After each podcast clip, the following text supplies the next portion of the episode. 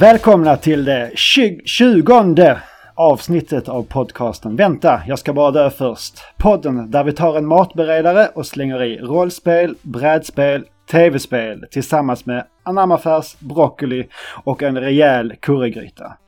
Vi kryddar våra spelupplevelser lite extra och smakar av från vårt Steam-bibliotek. Vi är de GameCube-spelande Bambatanterna och de suvidande DreamHack-besökarna.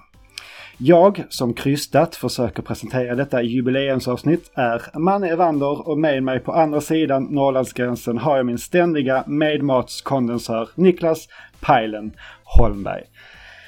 Tjena Pajlen, hur är läget? Tjena Manne, det är bara bra med mig. Eh, full rulle som vanligt eh, så här i dessa tider. Eh, ja. Jag fick så här jättetråkiga nyheter förra veckan. Jag ska få jobba hemma till efter sommaren nästa år. så Gud. Ja, över ett och ett halvt år ska jag få jobba hemma nu. Det känns... Åh oh, herregud. Blä kan jag säga. Ja, vi har ju precis, vi är ju precis vid inspelningsdatum nu att vi har fått reda på. Vi är ju mitt i den här pandemin fortfarande jo. och vi har ju gått ner till, vad är det, åtta personer som max får vistas i sociala sammanhang. Yep. Ah, så det, ja, det ska bli spännande att se hur man gör med julen och Hela den biten. Ja, jo. Nej, men det, det, det är ju lite sådana tider nu. Man får väl, ja, man, som vi har sagt förut många gånger i den här podden. Eh, man får liksom göra, göra det man behöver. Det, det är bara bita ihop. Ja. Köra men jag mycket, tror mycket digitala att, spel. Att, och... de kör, att, de, att de kör den här grejen nu är mycket för att ja, påminna folk om att ja, det här... Det är allvarligt att det är allvar. Även om man ska, man ska bete sig som man har gjort men man ska inte glömma att bete sig helt enkelt. Nej. Det, men ja. det är ju så att vi är ju inte ensamma den här det. aftonen. Nej. Som du sa, jubileumsavsnitt liksom. Ja, precis. Och ett uh, jubileumsavsnitt, det är 20 avsnittet och det är också ett år sedan vi började här. Yep. Ungefär. Vi tummar lite på datumen, men uh, ungefär ett år som vi har hållit på med detta. Ja. Det är och, över ett år sedan hjälp... fick idén i alla fall. Ja, det är det. Mm. Kan jag få dra min... Ja, det, jag har försökt komma in här nu, men kan jag få dra min eh, introduktion nu, Pajlen? Gör så. ja.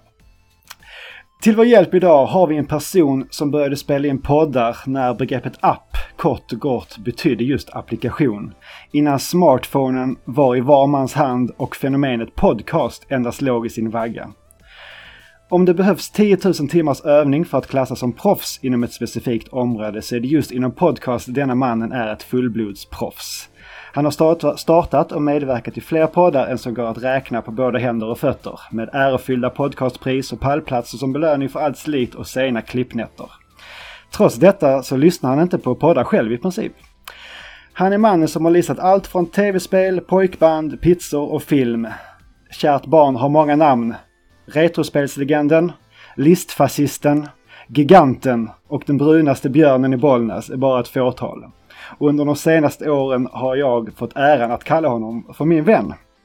Välkommen hit svampriket-profilen och före detta chefredaktören Anders den helt vanliga killen Brunlöf. Skönt att du fick in att du fick in den på slutet.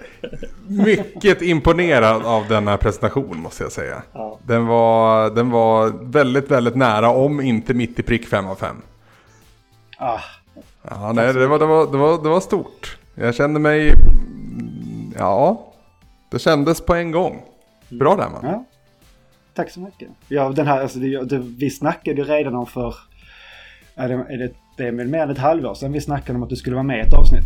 Eller du, var du, faktiskt en... Du, du var, jag vill påstå att vad jag var liksom det sista ni behövde passera innan den här podden stod, föddes. Eller startade i alla fall. Föddes alltså... När, när är man född? Jo, det, det, är när man har liksom fötts ut i världen. Men du, du konstruerades ju innan, vid ett annat tillfälle, nio månader innan. Men ja. födelsen skedde alldeles, alldeles, alldeles efter jag hade tummat upp eh, ert namn. Ja men precis, du var med lite på namngivelsen kan man Exakt. säga, på själva dopet. Exakt. Men, eh, och du var ju även redan då tillfrågad till att vara med och eller jag vet inte om du var tillfrågad eller jag tror inte jag frågade. var det. Jag tror ni nej, räknade nej. med att jag skulle bjuda in mig själv och så gjorde jag inte det. Ja, jag tror vi snackade om det redan då. Jag kanske gjorde. Men, äh, För vi hade ju en del andra namn, eller i alla fall ett annat namn också på podden där i början. Eh, ja, jag, jag det, jag antar att du kommer ihåg, det är inte jag. Ja, jag tror det var, fan var det, äta, spela, dö eller någonting sånt ja, där. Ja, det var någonting sånt. Ja, just det. Just det, det låter bekant nu när du säger det. Ja. Men ja, det, är just, inte, det, är, det är inte dumt, men det är inte lika bra. Nej, det, det är ett namn som när man hör, eller när jag, när jag förklarar för lite för löst folk att ja, men jag, jag spelar, har ett litet hobbyprojekt på sidan, jag spelar in en podcast. Och då, då folk frågar ju då, det första folk frågar är ju såklart, ja men vad handlar den om? Ja. Ja men tv-spel och matlagning. Va? Säger då, folk. ja men det är verkligen så här, ja men hur kopplar ni samman de två ämnena och ja, vad heter podden? Och så säger man då att ja, men den heter Vänta, jag ska bara dö först. Då får man liksom den här kopplingen. Ah, man ser att poletten faller ner där. Ah, Okej, okay, det är någon som ropar från köket till någon som sitter och spelar tv-spel. Så man får liksom ihop lite den här uh, kopplingen. Ja, det är ett väldigt bra namn. Jag är, jag är väldigt förtjust i bra namn.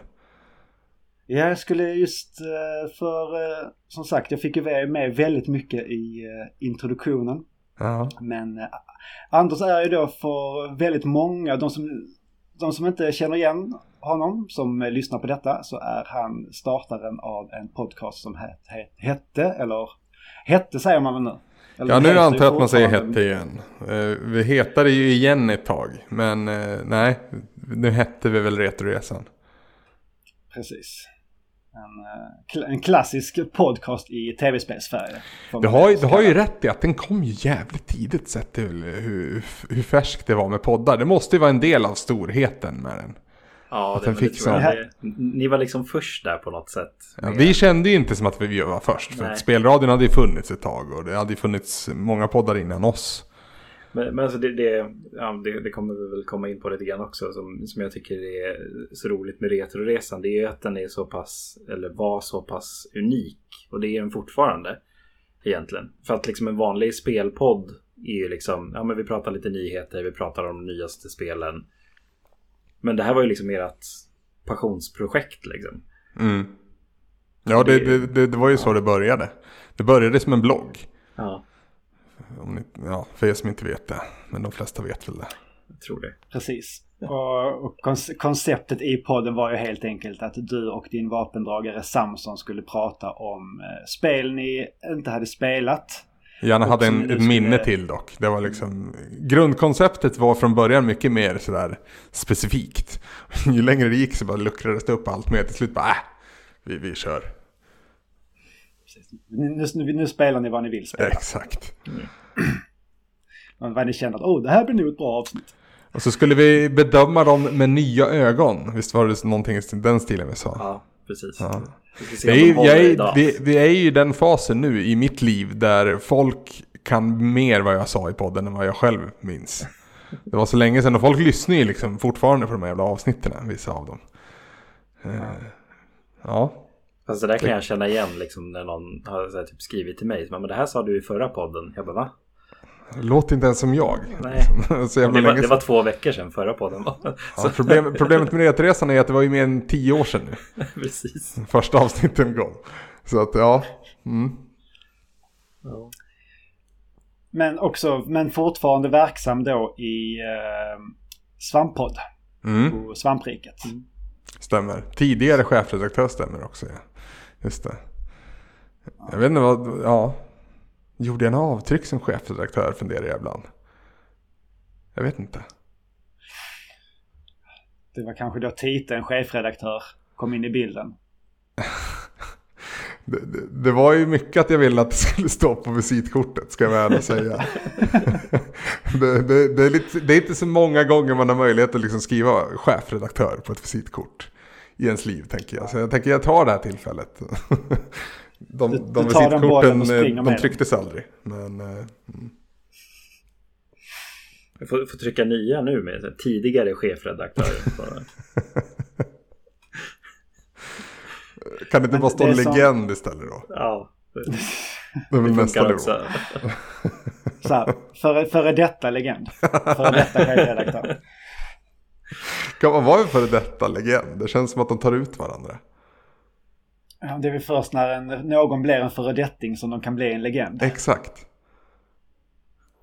Ja, men det som eh, Retroresan också hade, det var ju lite, litet av det här inslaget med mat. Uh, och Just det. Väl, eh, det var ju inte, det var inte så att vi har så här snutt ert koncept. Men det är väl ändå lite så att när jag gick, när jag vet när jag började tänka på vad jag ville snacka om så var det ändå någonstans det här att jag vill ju få med, på något sätt förmedla en, en liknande känsla som, eller så här, som i Returresan. Att, eh, för jag är inte en person som spelar nya spel direkt när de kommer. Jag vill kunna spela lite vad jag vill och jag känner att ja, men jag vill nog ha en podcast om tv-spel. Men det var först jag efter ett tag eh, som jag bara just det men jag kan det behöver inte göra på samma koncept som i Retoresa att behöva betygsätta med en maträtt för det känns ju lite gjort. Men att, eh, ja men fan då pratar vi om matlagning och vad vi har käkat och hela den biten. Och ja. Det, det där, det där pizzabetyget kom ju liksom från en, en, en idé för, för stunden. Blev liksom någonting som vi bara fortsatte med. Och verkligen någonting som folk minns nu. Eh, det var, ju, det var ju precis som de olika spelen var en del av varje avsnitt så var ju även pizzabetygen en del av varje avsnitt. ja, det, det, var ju liksom summeringen på något konstigt vis. Det, var, det, det blev lite... Jag tyckte jag blev lite bättre på det. För i början var de inte särskilt bra. När de var lite krystade. Sådär. Men ja, det är mycket i den podden som är krystat idag tycker jag när jag lyssnar på det såklart. Det är väl alltid när man lyssnar på sig själv. Det, jag har fortfarande inte kommit för mig att lyssna på i princip ett enda avsnitt av en podd jag är med i. Jag har funnit mig själv gå tillbaka och lyssna på typ, ja, men typ Mass Effect eh, spoilercasten. Ja. Det, som vi gjorde. Jag minns inte vilket år det är men någonstans mid 2010 eh, eh, så gjorde vi en spoilercast på Mass Effect 1, 2, 3. Den har jag gått tillbaka och lyssnat på själv. Jag har även lyssnat på rymdavsnittet av Skitsnack. Har jag, lyssnat på. jag lyssnade på introt till final, första finalavsnittet av Retroresan i, igår faktiskt. Jag hade fem minuter kvar på tvättmaskinen. Du menar det här ihop, ihopklippet? Exakt, med den där låten du vet. Den där låten som gav folk gåshud. Det var första gången folk fick gåshud av Retresan. När den låten spelades tror jag. Nej, kan, eh, kanske tidigare. Samsons jävla montage där när han springer en mil. Nej, just det. I slutet här. The Chariots on Fire där på slutet. Heter ja. den så? Chariots off Fire kanske? Är det den uh, Baywatch-låten? Uh, det är den med superekon. Dun, dun, dun, dun, dun, dun. Ja, den. Ja. ja, precis. Det är den och Rocky-låten han kör. Så det är, det är, det är gåshudslåtar båda två. Ja. ja. Så är det verkligen. Men på tal om låtar. Uh, System of a Down har väl släppt en ny skiva. Anders. Två låtar tror jag det var va? Ja, precis. Är det två låtar? Kollade. En är bra. Hur känner du, hur känner du inför dem? Eller det bandet och allt? Du får, du får, nu är det ju mer än en person du gör podd med vet du man. Så nu får du vara tydlig. Vem frågar du? Jag, jag syftade på det Anders. Okay. Jag, jag, jag älskar ju System of a Down när de var som hetast. Mesmerize, Hypnotize, duoplattan där. Jag minns inte vilket år. Men eh, jag tyckte de var så jävla bra. Och då hade jag ändå...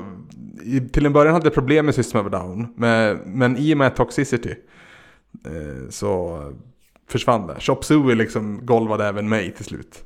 Det är en fantastisk jävla ja, alltså, det, det, ja, det är en kioskvältare. Ja. Jag, jag, jag gick ju runt på senaste meetup med ett koncept att så här, band och artister som har fler än fem, fem av fem låtar.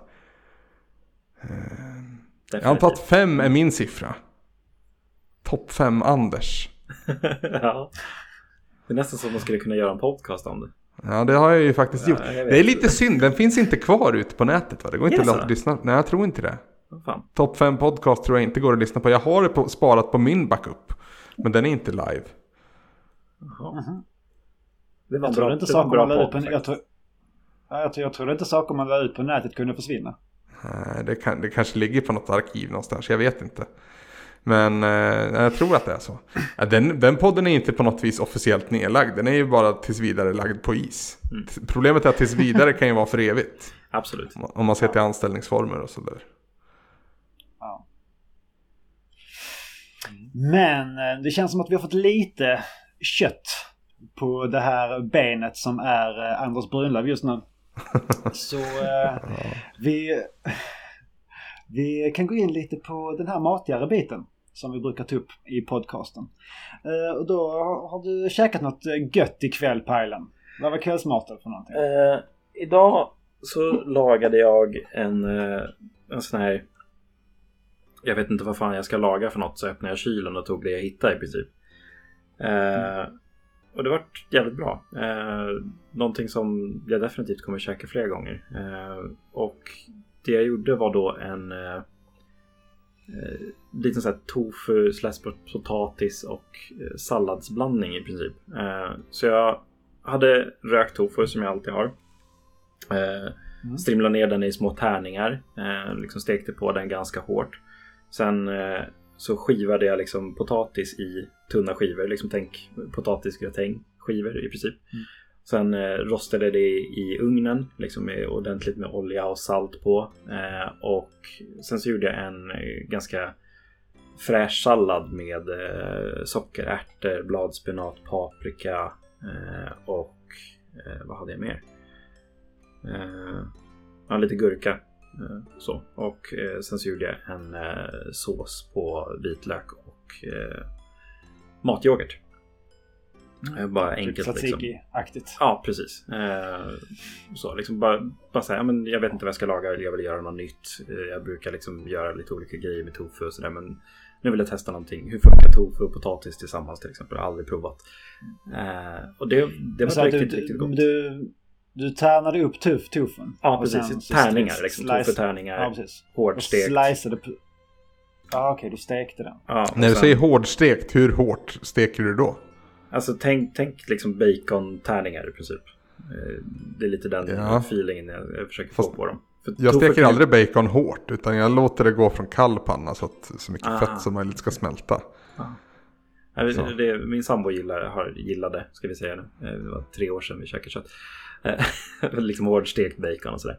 Så ja. det har väl oftast blivit. Sen så tofu är ju det kan ju vara lite svårt för att det är så jävla mjukt. Alltså jag har aldrig ätit tofu som har varit gott. Nej. Jag är jävligt svårsåld på tofu just nu. Ja. Så nu, nu, nu, får du avsluta starkt här Niklas. Nej men alltså det, just, jag är också väldigt svårt för vanlig liksom, naturell tofu. För att det är så jävla svårt att få till kryddor eller liksom att det ska suga upp liksom rikligt med fett eller liksom en marinad i princip. Eh, så jag brukar köra den här J-Pins rökta tofu.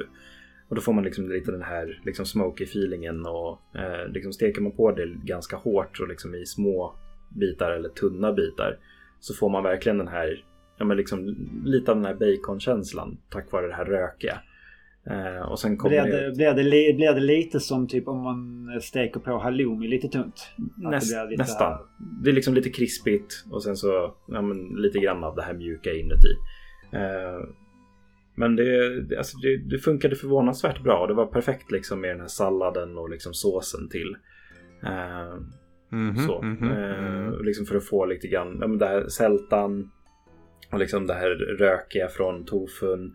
Och sen så liksom eh, det fräscha, liksom lite med sting i från såsen och sen så liksom eh, den här salladen liksom för att fräscha upp allting som en palettrensare emellan. Det, eh, det, det var en riktig kanonmåltid faktiskt. Det, eh, det kommer göras flera gånger.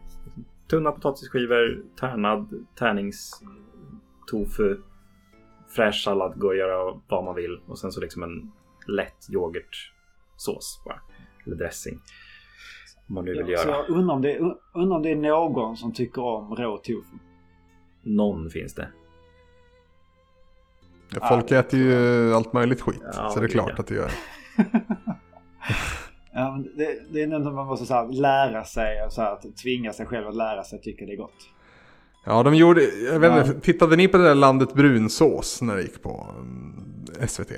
Nej, alltså. Det var ju innan de var, blev historieätarna så var det ju, det var ju hon och han och Just Schiffert.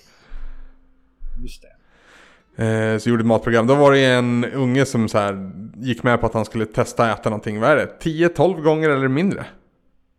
De säger att det behövs innan du lär dig tycka om någonting. Jag tror att det är ja, 10 tror jag det är. Ja, eller om det är 8. Det är någon, ja. där kring i alla fall. Och då var det någon unge som gick med på det och det funkade ju. Jag minns inte vilken rätt det var, men det var en rätt jag inte tycker om minns jag. Mm. Nej, men det, det, det är någonting speciellt. Alltså, Tofu är också väldigt mycket beroende på eh, märke tycker jag. Eh, Jipin tycker jag gör de, det bästa tofun jag har käkat i sådana fall. Och då, alltså i princip, jag köper bara den rökta. Jag kan tänka mig att eh, jag har varit sugen på att köpa och typ sous den. Det kan alltså nog funka.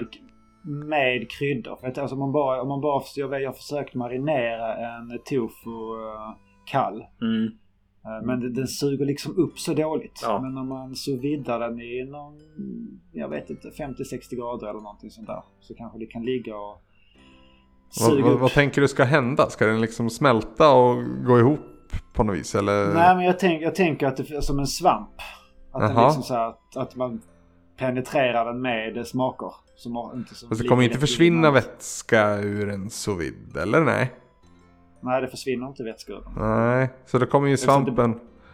Nej, det blir inte bra. Det som händer... jag, jag, jag, försöker jag tänka att, på hur det faktiskt blir. Ja, jag, tänker att, jag tänker att den släpper lite vätska. Men sen drar in lite av uh, kryddningen i sig.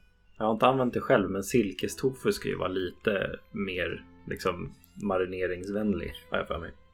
Jag, jag, kan bara dra det här i arslet nu men... Jag, jag tror inte på att så vidda tofu. Jag, jag, säger det nu. Så har du mig on record som säger att det här är en dum idé. Sen kommer, om du vill försöka ändå. Ja, alltså det, det, det känns väldigt korkat att koka en bit tofu. Eller hur? Ja. Men så vidda kan jag, jag kan ju så vidda någonting i 40 grader. Ja, men vad... Att det liksom ligger länge under en viss tid och liksom så här, drar in smaken. Det finns ju mycket annat skit i tofu bara. det, det, finns ju det. det finns jättemycket annat man kan använda. Ja. Jag, kö jag köper alltid tofu från Mathem för att det alltid är rabatt på det. Ja. Jag antar att det är för att ingen äter det. Av en anledning. ja, precis. Ja. Men eh, har du käkat något gott ikväll Anders? Eh, ja, jag tyckte det var jätte, jättegott. Vi gjorde en, en svensk klassiker som kallas varma mackor. Åh. Oh. Det var fan länge sedan. Ja, vi, vi, gjorde en sallad till och en liten, liten, liten sån här crème fraîche sås. Så det var väldigt gott och väldigt bra för att man kan göra slut på rester, vilket var lite syftet på ja. det här. Ja. ja, det är aldrig fel. Hur, hur gör man den perfekta varma mackan, Anders? Man har jätte... Alltså egentligen den perfekta varma mackan är inte en sån här varm macka man gör i ugn. Utan det är i så fall en med bara ost. Dubbel som man kör i panna. Med mycket, mycket, mycket, mycket. Överdrivet mycket smör. Ja. Och helst gjutjärnspanna också så det blir riktigt jävla krisp. Den, den, den, den kan serveras på jävla Nobelmiddagen känns det som ibland. Så den är gudomlig. Eh, den här gången så gjorde jag på chorizo-färs och eh, rödlök som jag stekte innan. Och så massa ost. Eh, som sagt, lite kylskåpsrensare. Så det var den osten vi hade hemma. Det var någon gammal cheddar och det var någon eh, västerbotten tror jag. Så det smakade väldigt, väldigt mycket. Och jag gjorde tre mackor men jag orkade bara äta två. Ja. Då har du rester sen då?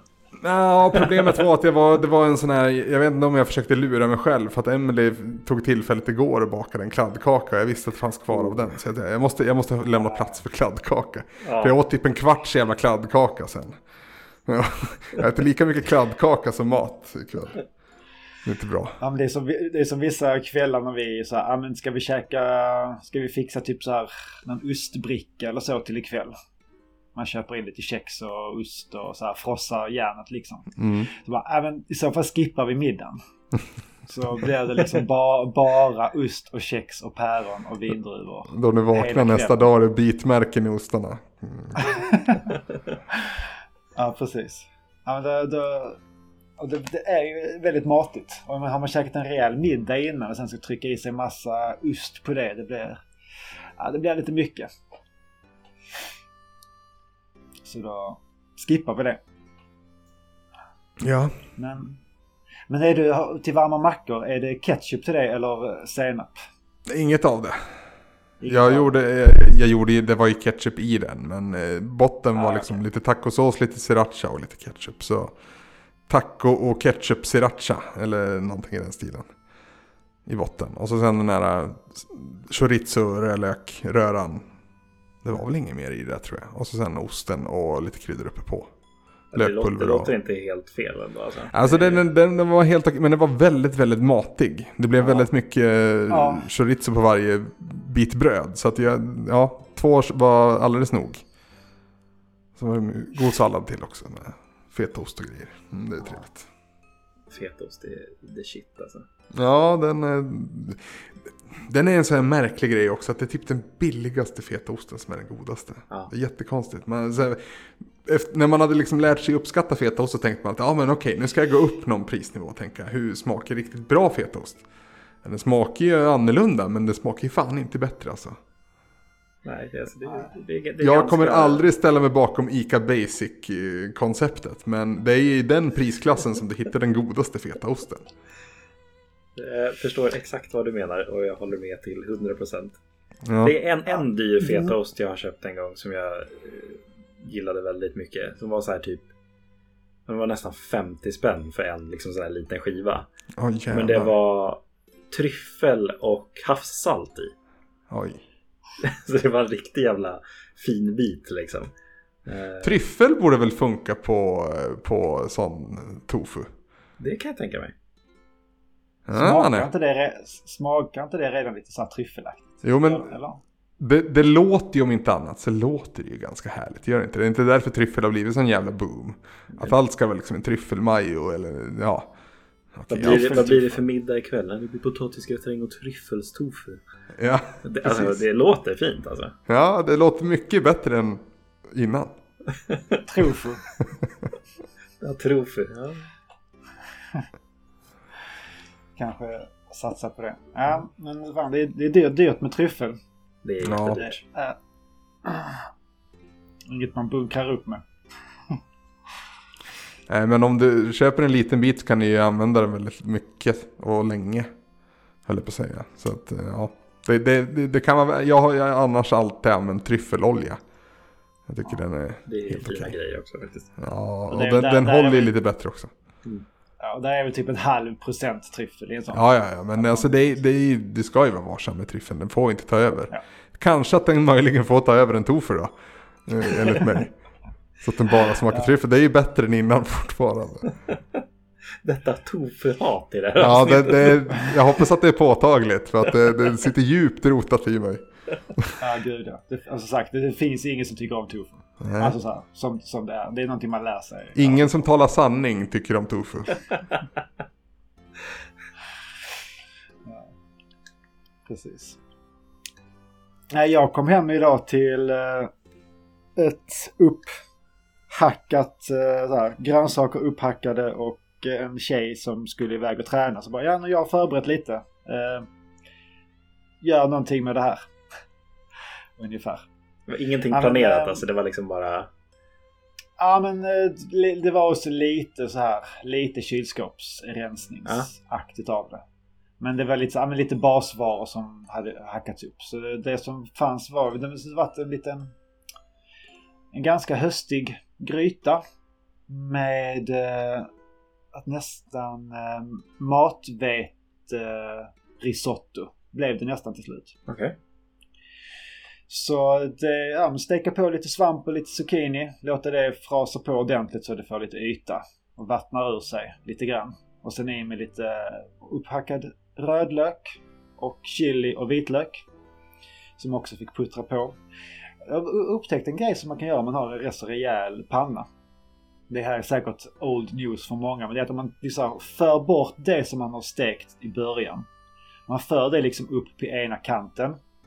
Och sen så flyttar man stekpannan så att den biten som man då har tryckt all förstekt mat på hamnar liksom utanför, utanför värmen. Ja. Det är så sjukt. Så jag, gjorde det, jag gjorde det för typ minuter sedan. jag förstår precis vad du menar. Ja, jag också. Ja. Och sen så, så, kan man ju brassa på löken och vitlöken och chilin där så att det inte bara fuktar upp sig med allt det andra utan man får lite såhär stekyta yes. på det. Och så kan man så krydda, alltså salta det lite extra och krydda just de ingredienserna. Som man, och sen så att det får lite, så här, lite extra göttig tid på hög värme utan att man bränner det andra. Men du säger stor panna, vad är det för typ av panna du använder då? En uh, stekpanna, en keramisk uh, non-stick-panna. Ja. Uh, rätt, så, rätt så rejäl.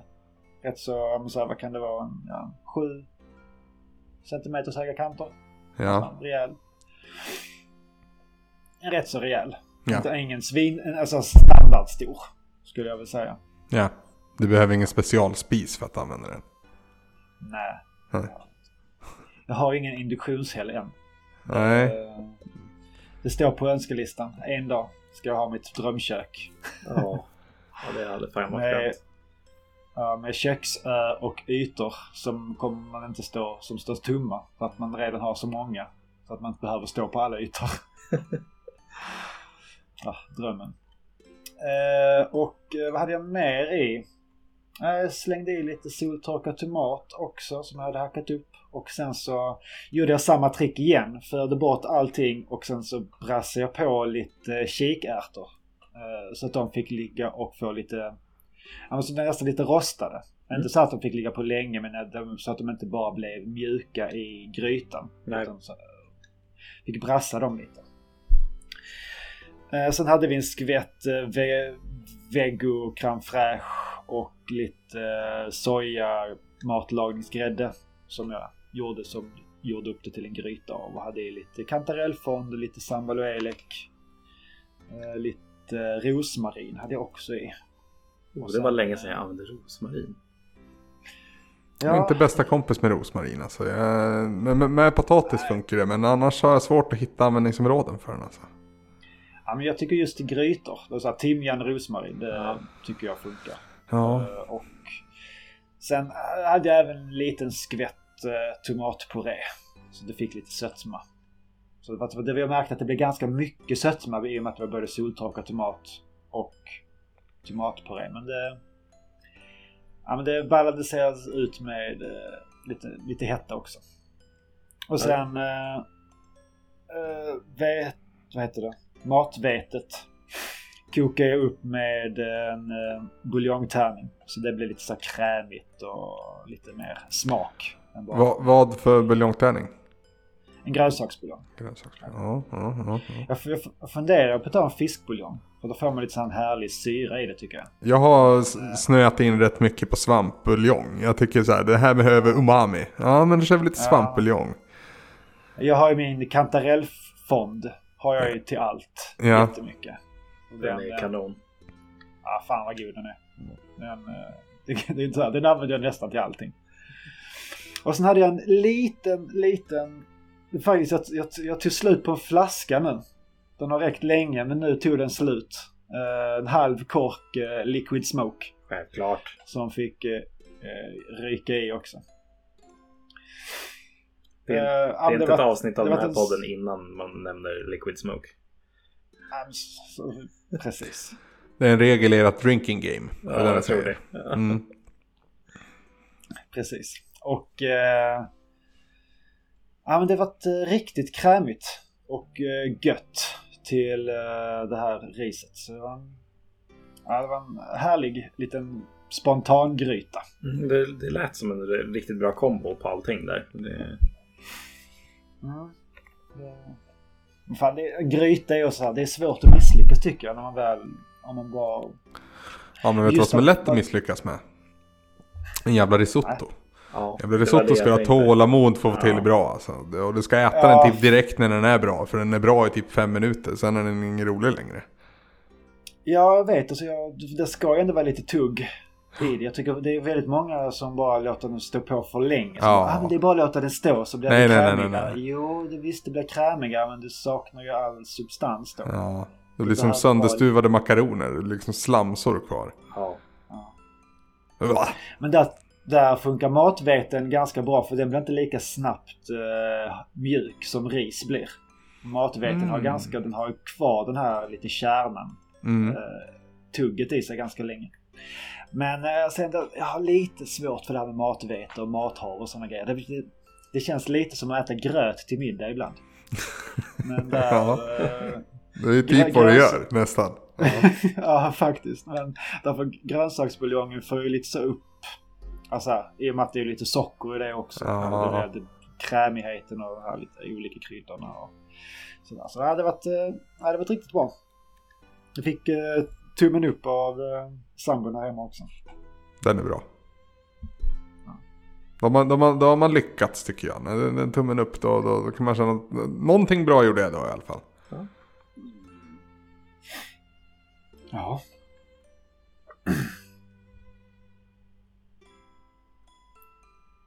Tystnad. Men, uh, ja. Något mer som folk, folket, Anders eller uh, Pajla känner att de vill tillägga i matbiten? Ska, ska vi köra den som vi har kört? Vi har ju haft några gäster här tidigare. Vi har typ haft alla från svampriket här nu. Uh, ja, och jag brukar vara först, så jag känner lite, lite kränkt över detta. Ja, jag förstår det. Det, det är våra fel Anders. Men vi, vi har ju frågat den eh, till, till de flesta hittills. Jag vet inte om det är alla, jag vågar inte säga det nu. Eh, men Anders, om du ska liksom bjuda på middag. Om du ska liksom så här få ut din paradrätt. Vad är det för någonting? Oj. Ja, det beror ju helt på vem jag bjuder på middag. Okej. Okay. Så du har inte så en go-to-rätt om du ska? Nej, nej, alltså om jag ska ha en rätt som är den rätten i så fall så är det en lasagne. Men alltså, ja. det är så jävla trött med lasagne. Eller trött, men alla gör en bra lasagne för att lasagne blir sällan dåligt. För att det är goda grejer som man lägger ihop med andra goda grejer och det blir gott. Alltså det, det, går att misslyckas med en lasagne. Ja, det är klart att det gör. Det är klart att det går att perfektera in i minsta detalj ja. alla Peter Ahonen. Absolut. Men, men en baslasagne är fortfarande en väldigt, väldigt hög ribba. Ja. Det är till och med, så, till och med en sån färdigrättslasagne som ja, man fick ja, i skolan. Karins lasagne hörni. Den är inte dum. Den är helt okej, okay, men det är en annan rätt än lasagne skulle jag säga. Ja, jo så är det ju. Ja. Så är det. Precis som att Billys panpizza inte är en pizza. Nej, det är sant. Men om så här, näst, nästa gång, eh, eller så här, om det blir eh, att jag åker hem och vi spelar in en stream någon gång hos dig Anders. Vad bjuder ja. du mig på då? I ditt fall tror jag jag skulle göra smashburgare. Det är min ny, nya grej som jag gör. Ja. ja alltså, vara högrevsfärs liksom och smasha dem i en gjutjärnspanna tills de är liksom riktigt krisp. Och sen äta dem med ja, men, ja, tryffelmajo, sallad, karamelliserad lök och lite ketchup. Det är liksom... Den kan man också servera på Nobelmiddagen. Ja, det, det lät inte helt fel. Nej, den, är, den, är, den är jättefin. Just att smasha är ju liksom... Ja. Jag fattar ju varför det har blivit en grej. För det är det ganska lätt att... För, ganska lätt att förstå som koncept, ganska lätt att genomföra och det blir sånt jävla bra resultat om du får till det bra. Det hade varit kul om de hade caterat Bastard Burgers på Nobelmiddagen. ja, för det är, det är Bastard Burger jag siktar på. Uh, och ja. det, är, det är ju lockande inte bara för att det är svindyrt att käka på Bastard Burger utan också för att det är svingott. Uh, jag tycker jag, det är inte sånt jättelångt kliv från det jag får ut och det, det jag får när jag beställer där. De har ju goda dressingar och grejer men det går ju att fixa. Och sen kör ju de också bara högrev tror jag. Men de har väl en bra leverantör. Jag köper mitt på matvarubutik. Jag har, inte, jag har inte provat deras köttvariant men deras vegetariska alternativ är alltid kanon. Mm. Alltså. Mm. Jag käkade deras här, eh, de har ju alltid en sån här kampanj månadsburgare. Uh, ja. Käkade den förra som var här som jag bara var tvungen att prova. Som var liksom typ uh, så här hackad chili. Uh, liksom jättemycket ost.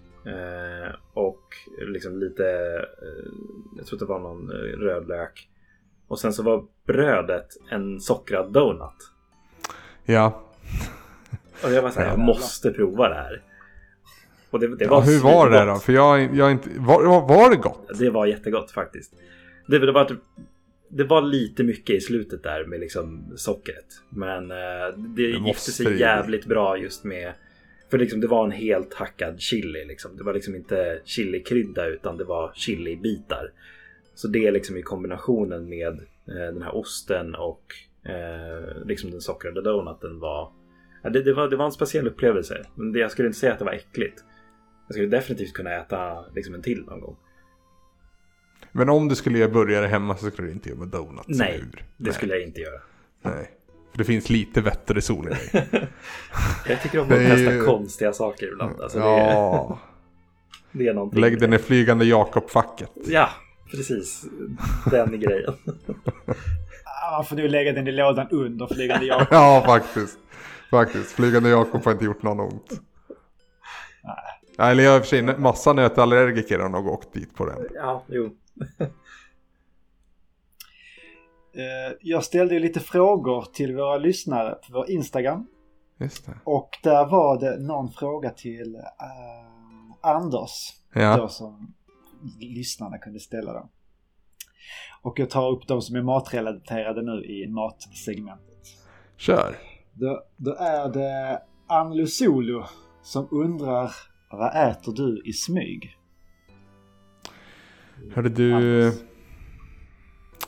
Jag har nog ätit i smyg i större delen av mitt liv. Men just nu inte så mycket alls. För just nu håller jag på med en sån här periodisk fasta grej. 8-16.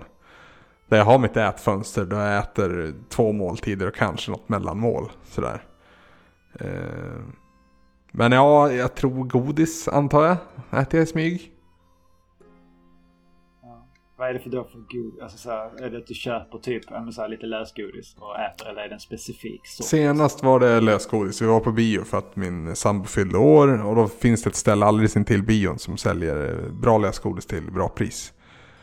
Men det var ju som det alltid är med jävla lösgodis. Att eh, efter liksom fyra, fem bitar smakar allting som sockerbitar som jag stoppar i munnen.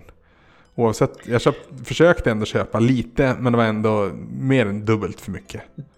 Det är alltid dubbelt så mycket när man köper lösgodis. Ja, ja, helvete. Ja, men allt slut, det är liksom ingenting som skiljer sig åt till slut. Allt är bara sött. Nej, är, är du inte, gillar inte du salta bitar och så?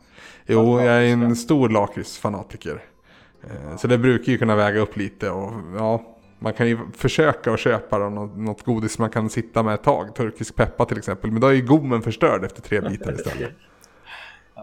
Du får köpa så ett paket Hubba Bubba. Ja, nej, jag ska ge fan i det där jävla godiset. Det är jävla barngrejer egentligen. Som man sitter och ja. trycker i socker. Det är inte bra. Det är, som att jag, det är som att jag kommer på det nu inser jag när jag säger det. Hur jävla dumt det låter. Men det är inte bra. Lösgodis. In, du får ta och skriva ett inlägg om det på Facebook. Och så här bara, jag, jag, jag har kommit på en grej. Jag har sökt i mig själv. Your, hold your horses. Godis är inte bra för dig. Nej, för fan. På tal om det, jag lyssnar på Vipeholms-experimentet eh, P, P1 eller P3, ja. P2 dokumentären. Um, ja. Uh, och för de som inte vet vad det är så handlar det om typ 40-talet när man typ mer eller mindre tvångsmatade inlagda patienter på ett mentalsjukhus med eh, kolor och choklad för att, se, för att komma fram till om socker gav karies. Ja det är hemskt alltså. Det, det, ja. det är så vidrigt. Jag har för att min sambo lyssnade på den där också. De, flera av forskarna nämner ju fortfarande att så här, men de var fortfarande stolta över det experimentet de gjorde. För att det gav så bra resultat för kariesforskning. Ja. ja. Vart är din empati någonstans? Den dog för länge sedan. Ja, men det handlar väl om att sätta det i ett, en historisk kontext. Jo. Om vad som man ansåg om de här människorna då. Ja. Mindre, mindre värda och hela den biten. Jag har, inte lyssnat men, på, jag har inte lyssnat på podden i fråga, men jag har ju en historik inom psykiatrin. Och ja. liksom, ryktet om det här liksom, sitter ju i väggarna på egentligen vilket jävla boende som helst. Mm. Någon har en någon som har hört någonting om någonting där. Det är liksom, vi är väl i den generationsvågen nu antar jag. Ja, kanske det. Mm. Men man blir ju inte jättesugen på eh, godis och kolor i alla fall. Nej. man lyssnar på den, det härliga avsnittet. Uh, så det är, det, är, det, det är sånt som du kan... Om du, om du köper det till bion då? Då var det ju inte någonting i, i, i smyg. Fast äter man inte godis lite i smyg på bion? är det inte liksom lite tjusning ja, att man kan det... sitta i mörkret och moffa lite hur man vill? Ja, inte prassla med påsen. Nej, precis. Ja. Sm köp smart påse. Ja. Ja. Jag, jag, jag tycker det. Jag tycker det. Jag kan mind my own business. Oftast är det så pass högt så att de som, de som ändå prasslar inte bekommer mig. Jag ganska hög liksom, köper, tolerans där. Man köper med sig typ så här uh, chips eller fläsksvålar eller någonting sådär som knastrar. Något sånt djävulskt. Ja, den är ju, den är ju, just de där jävla fläsksvålarna är ju jävla äckligt alltså. Bara en dansk. Eller en skåning tydligen. Ja, alltså det är min pappas fel. Uh, han, han, han bjöd det på mig mer än tio gånger när jag var liten. Och, nu, uh, alltså, ja, jag tycker fan det är gött med fläsksvålar. Ja, nej. Ja, nej. Det är ingenting. Sjukt bra eh, LCHF-mat. Ja, jag, det var ju då jag provade det. Och det var ju, det var ju alltså, konsistensmässigt så var det vad jag hade saknat under LCHF-dietandet. Men eh, nej, fy fan alltså. Efter när man tänker på vad det är. Uh. Ja, det kan man inte göra. Nej. Sen Nyckelregeln med fläsk. Man ska aldrig tänka på vad det är. Nej, nej. Att äta rent generellt kan det vara bra för. Ja. Uh, sen så har vi även uh, Overheard by the Nerd. Oj, bra namn. Ja, eller hur? Uh, och uh, en go-to-rätt vid en gräsänklingskväll. För min del alltså? Ja, precis. Uh, ja, men det, det, borde väl bli någonting då som Emily inte tycker om. Och jag vet att när vi, när vi pratade senast tror jag det var man, om att jag skulle vara med i den här podden så pratade jag om min, min fried rice. Och att jag liksom har snöat in lite på ändå liksom det asiatiska och kanske mycket thailändska köket. Mm. och det, det är en, en, den maten som jag lagar här hemma då tycker ju inte Emelie om. Utan det är någonting som jag lagar när jag är själv av en eller annan anledning. Så. Uh, mitt fried rice är jag rätt nöjd med nu. Men alltså grejen är att det är ju en sån här det är ju också en sån här rätt som varma mackor är lite grann. Att jag tar det jag har hemma. Du ska ha lite kokt ris över, du ska ha liksom något typ av protein av något slag. Det behöver vi kanske inte, men jag brukar ha. Du ska ha någon lök här och du ska ha liksom rätt mycket grejer hemma. Men det är en göra slut på rätt fortfarande. Det är det, eh, slänger du ägg också i? Ja, mot slutet. När liksom det har blivit sin rätt så försöker jag fösa det lite åt sidan och så scramblar jag två ägg i mitten där. Försöker få dem lite stekt först och sen scrambla ut med det övriga. Gott. Och sen är det ju det, det liksom som gör det här till en bra eller god rätt. Är ju den lilla... Är det en dressing? Nej det är det inte. Det är en sås man, jag vispar ihop med sån eh, fisksås och soja, lite honung och eh, sriracha är väl liksom grundkomponenterna. Oftast lite risvinäger också. Heter det, heter det förresten risvinäger eller risvinsvinäger? Bra fråga, jag har aldrig tänkt på det. Men jag förstår vad du menar Fan. om du säger både och. Risvinsvinäger, det blir liksom någonstans en överstegsfint. Fast det lär, det lär ju vara en risvinsvinäger. Ja, jag tänker också det. Men risvinäger säger man väl aldrig? Eller gör man det? Jag tror inte det. Man kan, Nej. Nej, den också då i alla fall. Och att hitta balansen i det. Den jävla fisksåsen är lurig. För du kan inte... Du kan, min, min liksom, mitt sätt att avgöra om det är någonting jag kan äta är att lukta på det. Men en fisksås funkar ju inte där på. Nej. Så jag har ju hällt bort mycket fisksås bara för att jag vet inte om den är fräsch nu. Hur länge har den här stått? Jag vet inte. Jag häller bort den. Att, vad fan ska jag göra? Du tar ett kort på den sen när du köper den. Så går man tillbaka i telefonen. Ja, vad har vi annars för grejer som luktar illa men smakar gott sen? Det finns ju några sådana. Tofu? Det finns ju så här... Försök inte. Det finns ju vissa ostar. Ja, gud ja. Alltså, svarta danska ostar. Så här, typ som, det, det, det, luktar ungefär som om tre personer har dött inuti ditt kylskåp för två veckor sedan. Ja, verkligen. Men sen så, sen så smakar den här doften, den försvinner ju aldrig känns det som. Nej. Men eh, osten är fortfarande god. Mm. Konstigt det där. Ost är lurigt alltså, men det är jävligt gott. Jag har ju snöat in på ricotta senaste tiden. Jag vill ha ricotta på allt. Det är osund relation jag har med ricotta just nu känner jag. Det är, det, är, det är en bra ost ändå. Pa pastaost. Ja, det, och jag är ju... Jag älskar ju pasta. Jag skulle kunna äta pasta varje dag om jag, om jag kunde höll jag på att säga. Men eh, jag gör nog nästan det. Snudd på. Ja. Det är helt okej att äta pasta varje dag. Det... Mm. Det börjar egentligen från att eh, en sån här... Eh, precis, ja nu har jag snöat in mig väldigt mycket på det här. Um, en sak i taget. En färdig matlåda jag brukar köpa har en, eh, vad heter de, tortellini med spenat och ricotta i. Mm. Och sen är det även ricotta i en tomatsås som ligger runt den här. Den är, är de heter typ Go... Fel, Nej, det är, ja, du, de, då vet jag vilken du menar. Ja. ja.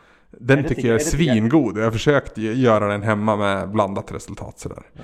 Eh, när det kommer till mitt fried rice så försöker jag alltid efterlikna ett ställe som fanns i Borås när jag bodde där som heter Spice and Rice om jag minns rätt. De hade en, om jag minns rätt, nummer 18 som var het. Och det var ett fried rice med kyckling och så var det ananas i den. Jag har haft ananas någon gång så här i min hemma men jag tycker nej den är lurig alltså. Ja, det är svårt att få till det här med sötman och hettan kan jag tycka. Att jag, det, tar över, det tar över så mycket ananas. Ja, och den är ju också så pass... Eh, är den sur? Jag vet inte, men den har en jävla syra i alla fall. Så att den kan ju lätt ta över. Uh, och liksom att, att jag, jag gör ju allt det här i en wokpanna så att uh, jag vill ju ändå fräsa på det så att riset får en yta och sådär. Och jag vet inte, det, det, blir aldrig riktigt bra med ananas i. Tycker jag. Ja, den, den är klurig. Den är jätteklurig. Ananas är ju som bäst när man äter färsk ananas. Egentligen ska man inte hålla på och äta någonting annat än färsk ananas. Kanske varva med mango. Ja, ja, ja. Det kan jag gå med på. Ja. Topp fem bästa frukter. Mango, ananas och tre. Är jordgubben frukt? ja, det, på den, det får vara med på den listan i alla fall. Är det frukt och bär då? För jordgubb är väl fan ett bär? Ja, det är det väl. Ja. ja. för jordgubb skåpar ut allt annat. Jag, jag kan, jag kan ge vindruvor en ärlig chans, men nej, jordgubbar. Men jag är väldigt, väldigt förtjust i vindruvor också. Och vindruvor, jag minns när man hade fruktstund så här, innan man gick i riktig skola. Så hade man fruktstund och då hade man alltid med sig en frukt. Och hade man vindruvor då var det en extra bra dag minns jag. Jävla bananen som alltid var torr, det var aldrig särskilt kul. Och päron var alltid för hårda än vad man hade hoppats på. Förutom kanske en på 20 som var bra päron. Men vindruvor har en hög lägstanivå. Och det, det jävligt gott. Det var ju inte på tiden dock de hade uppfunnit eh, kärnfria vindruvor. Så man har ju tuggat på några kärnor genom sina dagar. Ja. Är kärnfria vindruvor fruktens motsvarighet till färdigskivat bröd? Jag antar det. jag kan ju äta, du kan ju äta dina vindruvor med total frihet nu. Och ja, jag vet inte. Var det så svårt? Är det så svårt att skiva? Ja, det är visst bröd är bökigt att skiva. Men eh, ja. En bra kökskniv eller en bra brödkniv är det som behövs. Ja, och så sen bra bröd. ja. Så. Stämmer rätt. Sista frågan. Inbakad pizza eller piroger? Um, Från eh, oj. Kinopeko. Kinopeko. Både och. Jag åt en, en, en pirog jag köpte halvfärdig så. Den var liksom bakt men man behövde baka den igen. Den var både och mm, lite grann. Att den hade en, en öppen yta och sen en stängd. Men den var liksom som en inbakad. Så det var en pirog calzone på något vis. Jag vet inte om det, jag vet inte vad som klassar var en calzone för det ska väl vara någon, ja. Men det var liksom en fyllning men även en, en öppen fyllning så att säga. Den var god. En sån halvinbakad pizza typ? Ja, du vet. Det är alla möjliga pizzor idag. Eh, på min tid, då fanns det calzone och så fanns det, ja nej du vet. Um,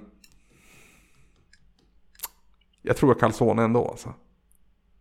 Pirog är så, det är liksom, det, är bröd och så är det någonting gott på. Det är, koncept som funkar väldigt ofta såklart. Men det är också en, vad en calzone är, fast den är liksom next level. Ja, den är större. Ja. Större är alltid bättre. ja, så kan det ju variera den mycket mer. Det är klart ja. att det kan variera en pirog också inser jag när jag säger det. Men ja, nej, jag lutar ändå åt calzonehållet. Är då en varm macka den hybriden som är perfektion där mellan pizza och pirog? Mm. Ja, hybrid, jag vet inte. Det känns som att det ligger mer effort i både en calzone och en pirog än en varm macka. Så jag antar att det är latversionen snarare. Eller du, du uppnår ungefär samma sensation med liksom, ja, mer eller mindre rostat bröd och någonting gott på med mycket ost. Det är gott. Ja, sant. Med detta så lämnar vi eh, matsegmentet för den här gången. Yes. långt. Ja, det var en riktig matbit. ja. Ett skämt som aldrig blir gammalt i den här podden. Nej. Ni lär ju ha ett par sådana där tänker jag. Ja, gud ja. Det är nu vi ska gå in på efterrätten vet du Anders. När vi ska prata Ja. Eller är det det som är huvudrätten? Jag vet inte. Jag vet inte. Uh, vi pratade lite förra veckan om att jag hade gjort ett fynd på en loppis. Mm. Uh, jag hade hittat brädspelet Descent för 55 kronor. Och jag kan ta det på Anders här också att det är ett spel som kostar ungefär 700-800 om man köper det nytt idag. Och du fick det typ i ny, ny skick också? Nej, det var ju oanvänt. Det var liksom, det var liksom, det, hade, var, det var delarna var urpluppade från sin kartong i, ner i kartongen. Men eh, annars var det i princip helt eh, nyskick. Shit. Good fine. Och, ja, du har gjort några sådana nu va? Ja fast det här, ja vi, vi pratade nu om det här när vi åkte bil. Vi pratade en del när vi åkte bil. Vi åkte långt tillsammans. Och, ja, ja det, det väldigt, väldigt lätt Bond... att snacka i en bil. Ja, men det var det här spelet jag pratade om då i bilen också. Ah, okej. Okay. Då har jag hört om det yes. här. Ja, men just det. Ha? Och nu har jag satt, satt, hittat eh, min eh, sambo och två kompisar. Så vi kör, har ju börjat ett kampanj nu i det här spelet. Och eh, det, ja, det är väldigt intressant Eh, hur, det, hur det ter sig. Vi har färdigställt två hela kampanj, eller två hela uppdrag mm. än så länge. Kör, körde du den här eh, liksom Dungeon Master-rollen nu också eller var det? Just det, man, man kan ju spela det med en eh, smartphone eller en platta också. Ja. Den, tar, den tar Overlord Just eller DM. Ja rollen. Men eh, jag valde att köra som eh, Overlord. Ja. Jag, vill, jag, vill jag vill testa den biten. Och eh, jag, jag, är van vid att folk hatar mig när jag spelar brädspel. eh, framförallt min sambo. Så det, jag, jag, är van vid att sitta där på det hörnet. Jag spelar hörnet. alltid brädspel bättre med folk som inte känner mig. Jag antar att jag säger någonting också. Det är mycket lättare för mig att prestera bra om folket jag spelar med inte känner mig. Jag vet inte vad man ska läsa in av det, men någonting finns ju där. Ja, gud ja. ja. Man får tolka det, det som man vill. Ja, precis. Men det, det första man körde var en här introduktionsuppdrag. Där de är då tre hjältar som ska stoppa ett gäng eh, zombie archers för att smita in i eh, vad ska man säga, in i ett läger. Mm. Och eh, där lyckades jag att fly med de här eh, zombie eh, archersarna.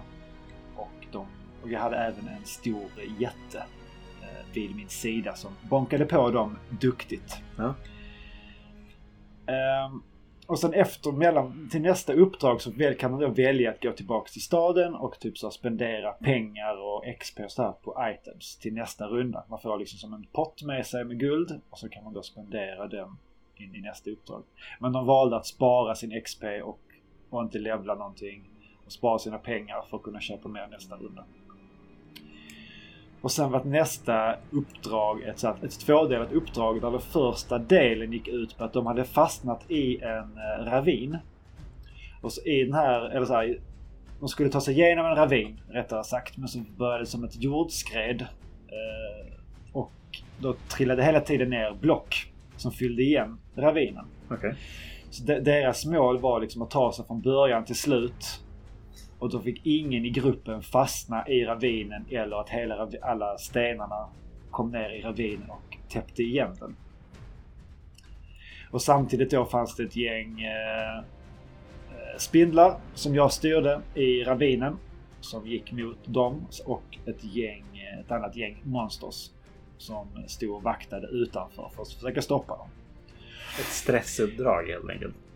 Ja men precis. De skulle försöka springa förbi utan att bli dödade och sen så i varje runda så kunde jag då sätta ut en stenbumling som täckte, täckte upp en del av ravinen. För att göra det svårare för dem. Ja. Och det kändes verkligen som att det här har jag som i en ask. Men så, så lyckades... Så, men de kan även så att de kan hoppa över stenarna och även försöka förstöra stenarna. Men så lyckades de med sådär idiottärningsrullning och förstöra en sten Fast de hade jättedålig styrka allihop men lyckades på något mirakulöst sätt att bana väg. Ja. Och så var de helt plötsligt på andra sidan av alla spindlar om alla mina minions. Och sen så bara så bullet rushade de ut ur det här uppdraget och tog sig in i del två. Eh, av det här, den här missionen då. Och där så hade, fick jag tilldelat mig en löjtnant. Som fungerar liksom som en, nästan som en karaktär som de har. Inte lika mycket detaljer. Men som har lite så här, men den kan bära vapen. Den har uh, här, liknande hero ja. abilities. Och där var mitt uppdrag. Deras uppdrag var att rädda fyra stycken bybor. Nej, deras uppdrag var att döda löjtnanten innan de här fyra byborna uh, dog. Innan jag hade haft ihjäl dem. Och det lyckades de inte med. Så den, den ronden vann jag och det som hände, i och med att de vann den första delen av det här uppdraget så fick de en fördel i nästa del. Eller den avslutande delen. Så okay. det så här, ett, ett quest uppdelat i två faser. Och det, ja, men det levererar högt när det kommer till sin sätta storyn, hur det är uppbyggt med olika världar och att man ser verkligen hur progressionen görs. Okej, nu var man i den här ravinen och så berättar de vad som händer sen och så kommer man in i det här fortet då. Där man ska försöka rädda de här eh, byborna och sådär. Men hur, hur funkar det sen liksom då i, i, i framtida uppdrag? Kommer de liksom alltid få leva med den konsekvensen att de inte lyckades rädda de här byborna? Eller fortsätter det bara som vanligt? Eh, det som hade hänt där om de hade vunnit det questet det var att de hade fått med sig ett item. Okej. Okay. Eh, som nu istället eh, min... Eh, som jag vann. Okej. Okay. Så den här löjtnanten kan eh, komma tillbaka? Ja, precis. Ja. Det, det, är återkommande karaktärer som kommer i olika uppdrag. Och sen så vissa uppdrag om de vinner så får de extra XP eller om de får extra guld att spendera i staden. Och sen så när allting samlas upp i slutet så går man tillbaks och inför den stora finaluppdraget då. Då går man igenom och kollar, okej okay, det här uppdraget vann de, det här uppdraget vann jag. Och sen mm. så bygger man upp det sista finalen då beroende på hur det har gått eh, längs vägen. Okej. Okay. Så ja, men det är verkligen rollspel light. Uh, med då ett brädspel och man ser allting så tydligt. Och vi sågs i fredags, vi sågs igår och vi ska ses imorgon onsdag då från det här när podden spelas. Så vi börjar få in lite kontinuitet i det och folk är astaggade och det har liksom blivit att vi har vunnit varannan batalj nu. Vi hann bara köra en liten del av ett uppdrag igår, eller första delen av det här tvådelade uppdraget. Ja. Uh, Så nu när vi går in i slutfasen på den så har de vunnit första delen. Så det, ja, det, det Hur många sittningar har ni, har ni kvar med det då?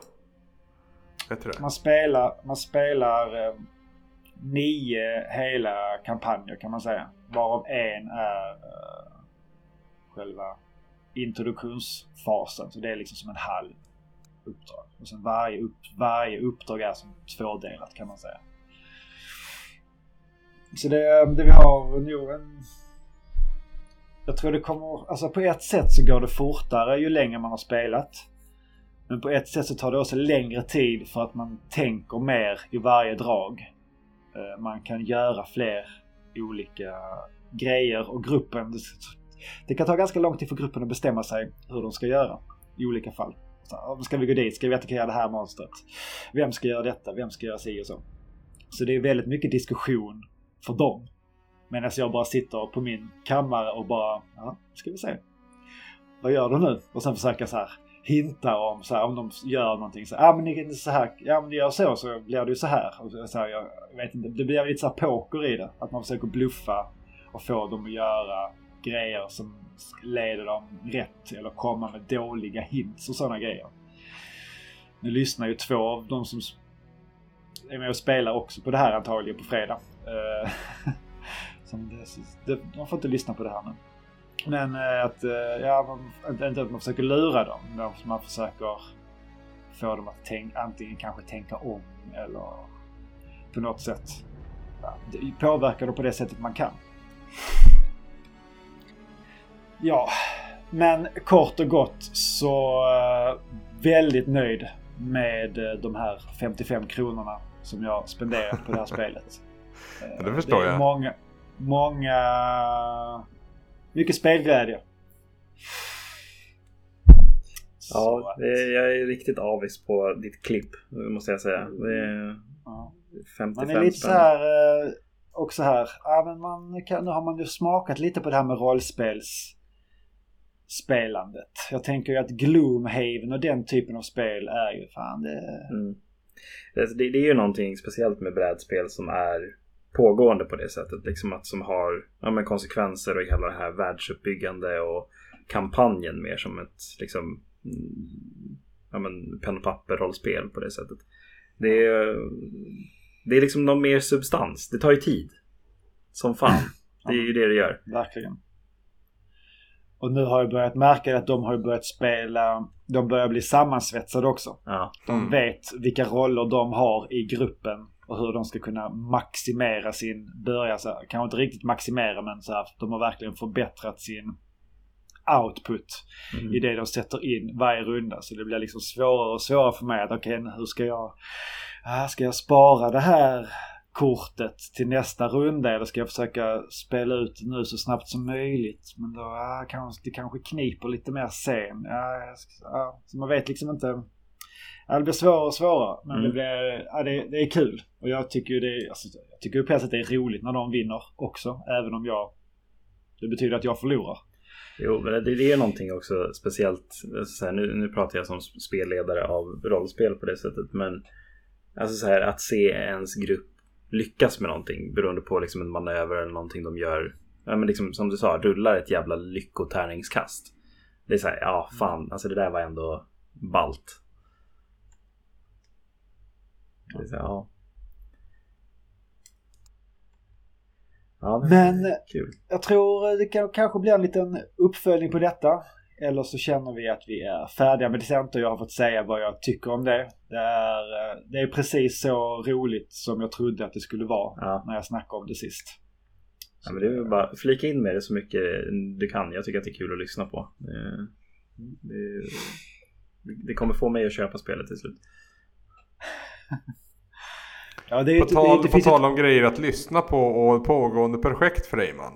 Var det så att du höll på med någon sagostund också? Eller är den klar eller har du den på paus? Eller vad, vad är statusen där? Eh, vi har spelat det senaste, inte nu förra avsnittet, men två avsnitt tillbaks där så hade vi ju eh, Glenn från Svampriket och gästen också. Just det. Och det var ju för att spela in, eh, eller så snacka om Paper Mario and the Origami King. Vilket Just alla det. Tyckte var ett kanonspel. Eh, och så, så då tänkte jag ah, vi kan väl göra en, i och med att det var, storyn var så bra, så kan vi göra en liten sagostund av storyn. Och följa Super Mario och Olivias resa. Ja. Just det. Okej, okay, så det är ingenting jag får ta del av nu ikväll? Nej. Nej, det blir... Vi kommer nog att... Uh, som det känns nu så är det så att ah, det tar mycket tid. Uh, men det kanske blir att vi kör någon långkörare med uh, Glenn i framtiden. Uh, det har varit härligt att uppleva liksom sagostund. Dels då i den här situationen så att jag får lyssna live. Innan det är massa effekter och klippning och musik och grejer på. Om man nu klipper sagostund så som jag klippte sagostund det vill säga. Det behöver man ju inte göra. Riktigt så... Uh, så ambitiöst har jag inte varit. Nej. Men det, jag har inte lagt det riktigt för den nivån. Vi, vi, vi har den här lilla tanken i framtiden Anders. För Manne har aldrig spelat ett Final Fantasy. Nej. Det, han har bara lyssnat på dina sagostunder. ja men alltså Final Fantasy 4 är en bra start. Alltså. Ja. Jag hävdar det fortfarande. För det är lagom långt också. Det, är, det kommer in under 20 timmar. Du vet ju, du, när vi pratade om det här Anders. I ja. den här långa bil, bilresan. Där vi pratade om allt möjligt. Ja. Och jag är ju en eh, russinen i kakan spelare. Jo, men... Mm, Final Fantasy är en långt gående serie och du behöver verkligen inte spela mer än en handfull spel ur hela serien anser jag. Men det, du måste börja någonstans och där är fortfarande fyran den perfekta början. Men eh, jag, jag, jag, tror om jag startar någonstans så blir det nog sexan ändå. Ja, okej okay då. Det är inte som att du kommer spela ett dåligt spel då. Nej, gud nej. Men du är en Chrono Trigger-anhängare va, Filen? Ja, det, det, är en av mina absoluta favoritspel. Jag har ju inte spelat det sedan jag gjorde sagostunden på det. Ja, det, det borde, jag spelade igenom det i början på det här året faktiskt. Igen. Mm. Det, det är fortfarande, fortfarande lika bra. Hur många slut är det? Det är över 20 slut är det? Ja, jag tror det. Uh, Hur många har du sett? Uh, tiotal kanske. Oj! Det är klart. Jag, jag har spelat igenom det. Nörd. Ja, faktiskt. Men det, det, är också ett sånt där bra rollspel. Det är inte för långt. Nej, jag vet. Det blev ju väldigt omständigt att berätta om allting ja, och försöka det, hålla en linje. Och det, det kan jag tänka mig.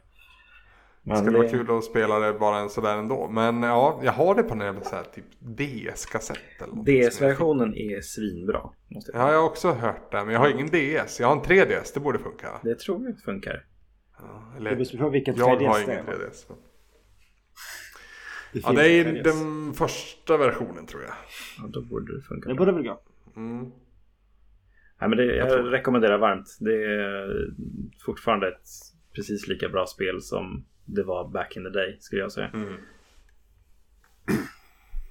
Mm. Men, men på tal om japanska rollspel så sitter jag också mitt inne i, eh, eller jag börjar 15-18 timmar in i Nino Kuni. Mm. Det, det, är ett spel jag det... har mycket varmt Sa du att du hade börjat och 15-18 timmar in i samma andetag? det är ett japanskt rollspel Anders. Ja, jo, jo, ja. men ändå. 15 till 18 timmar var det där. Det är större delen av en vecka. jo, det är ju för sig två dagar av en vecka. Han har precis sett titelskärmen. ja. precis. Den här förhistorien innan man börjar spela är precis avklarad. Uh, som, du känner till Nino Kuni, Anders? Oh ja, Oh ja, jag har inte spelat det men eh, jag har ju via kollegor då framförallt mm. fått mig en ganska tydlig bild av det. Mm. Mm. Och det är ju ett spel som har den grafiska stilen av en Studio Ghibli-film. De här klassiska Granne Tutto och mm. vad är det? Luftslottet. La Puta. La Puta. Ponyo, Spirited Away. Precis. La. Och det, det är ju supermysigt i de här mellansekvenserna och eh, storyn. Och vi började ju spela det på eh, japansk, japanskt tal. Mm. Mm. Eh, men sen så upptäckte jag fan man måste sitta och läsa så mycket text då. Det är ju det. det, är det. Pratar du med massa så är det drygt.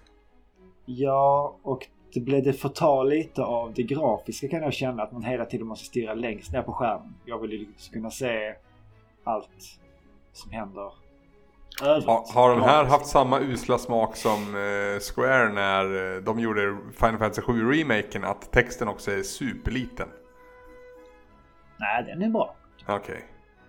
Jag tror Men det var vi... Final Fantasy 7 remaken som var så här, man kunde ändra storleken sen upptäckte vi. Ja. Men från början så var texten alltså mikroskopisk.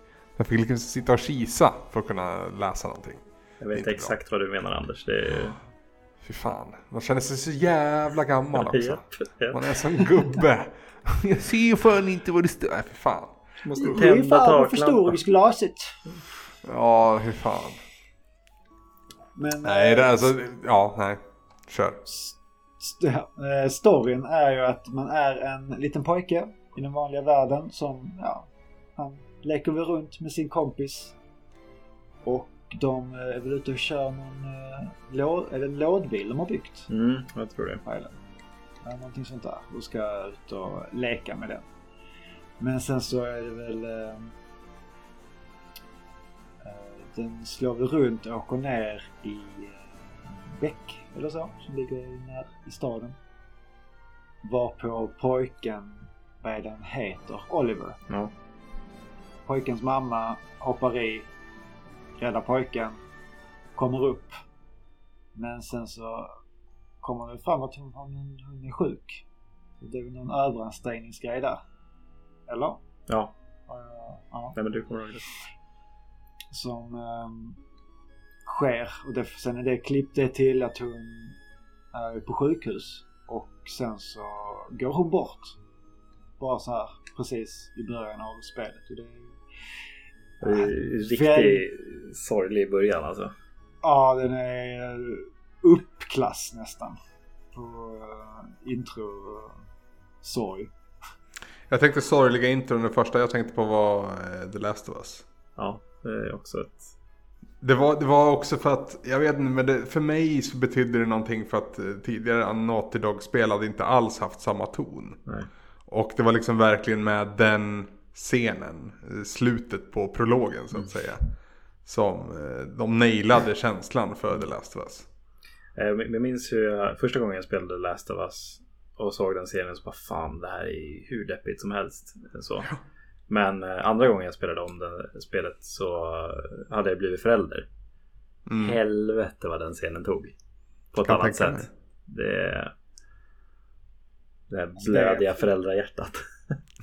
ja men det, det är ju sagt så många gånger men just det här med hur fan vad man, känslorna hamnar på utsidan när man ja. har ett barn. Verkligen. Uh, fan man satt ju, vi tittade på den nya Skönheten och odjuret i går ja. tror jag det var. Fan. Den är inte så dum den filmen. Den nya. Alltså den live action med... Ja precis med ja. Emma Watson. Ja, jag har faktiskt inte sett den. Jag tyckte den var... Alltså den var ju plågsamt medioker tyckte jag. Helt ärligt. Alltså? Jag, jag, jag, jag, jag älskade Djungelboken.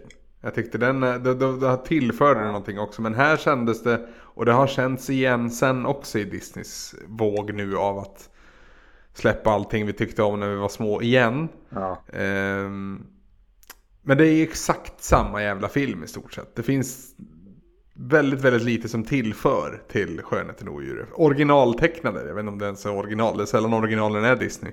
Men ja, eh, den är ju kanon. Den är bra. Den är rätt bra. Den är svinbra. Jag, alltså jag, visst alltså så här, om man bortser, säger att man inte har sett originalet. Då tillför ju den här filmen lika mycket som originalet skulle jag vilja säga. Oj, stora ord. Ja det vet alltså, fan. Alltså låt, låtarna är ju där och de är ju fortfarande lika bra. Ja. Den, liksom, den, den, den, förklarar lite grejer som kanske inte var riktigt tydliga innan. Alltså, den går in lite här på hennes bakgrund. Varför var bara pappan med i bilden? Mm. Och, och, och, ja men... Uh, Alltså, sen så är det väl lite cheesy, men vad fan. Jag skyller, jag skyller på min... Uh, min överkänslighet uh, kanske. Ja. Men uh, vi, ja, den var bra. Men, uh, jag tyckte nog, jag var, jag var väldigt... Så första gången jag såg den. Bio tror jag det var till och med. Nej det gjorde den inte. Då, jag sa samma. Då var jag inte lika imponerad. Faktiskt. Då Nej, jag har bara sett den en gång. Då, då såg jag det nog mer som att okej, okay, men nu ska jag kanske få något nytt. Nu, nu andra gången så var det liksom mer så ah, men nu ska jag... Ah, men jag hade lika bra kunnat sätta på originaltecknade Disney. Men så bara, ah, men kolla på den här istället. Att, Ja, jag undrar, alltså, jag försöker alltid diskvalificera mina egna åsikter för att jag är liksom färgad av ett nostalgi och retrohjärta. Mm. Sådär, och det går ju säkert att applicera även på det här, tror jag nog. Det, ja. det, det är okej också, tycker jag. Det, ja. Man, man får vara det. ja. När har det gått för långt dock? Känner jag. Nu är gubben framme igen här. Men... Eh... Toy Story live action. Då har det gått för långt. ja, det var fan en bra, en bra, ett bra streck i sanden så att säga. Där säger vi stopp. Då slutar vi köpa och streama.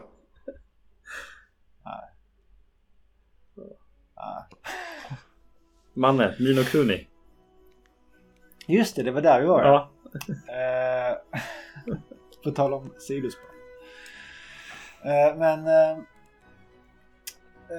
det som händer när den här man är mitt i sorgen av sin förlorade förälder. För man spelar ju som den pojken, Oliver. Oliver ja. Är ju att är det ett gosedjur som han har ja, som precis. helt plötsligt kommer till liv av den här sorgen på något sätt.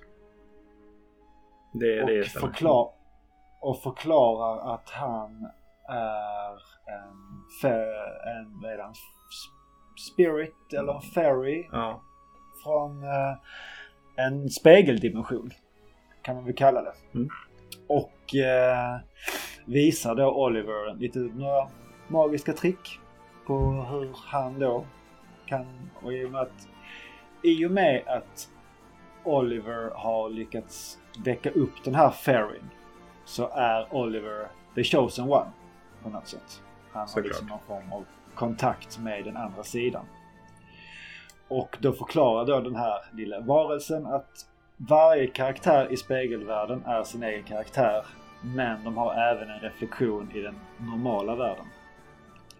Och i den här spegelvärlden, där lever din mamma fortfarande men är, har ett problem och är fången eller någonting sånt där. Och om, men om du lyckas rädda och lösa din mammas motsvarighet i den här sagovärlden, då kan du även rädda din mamma i den normala världen.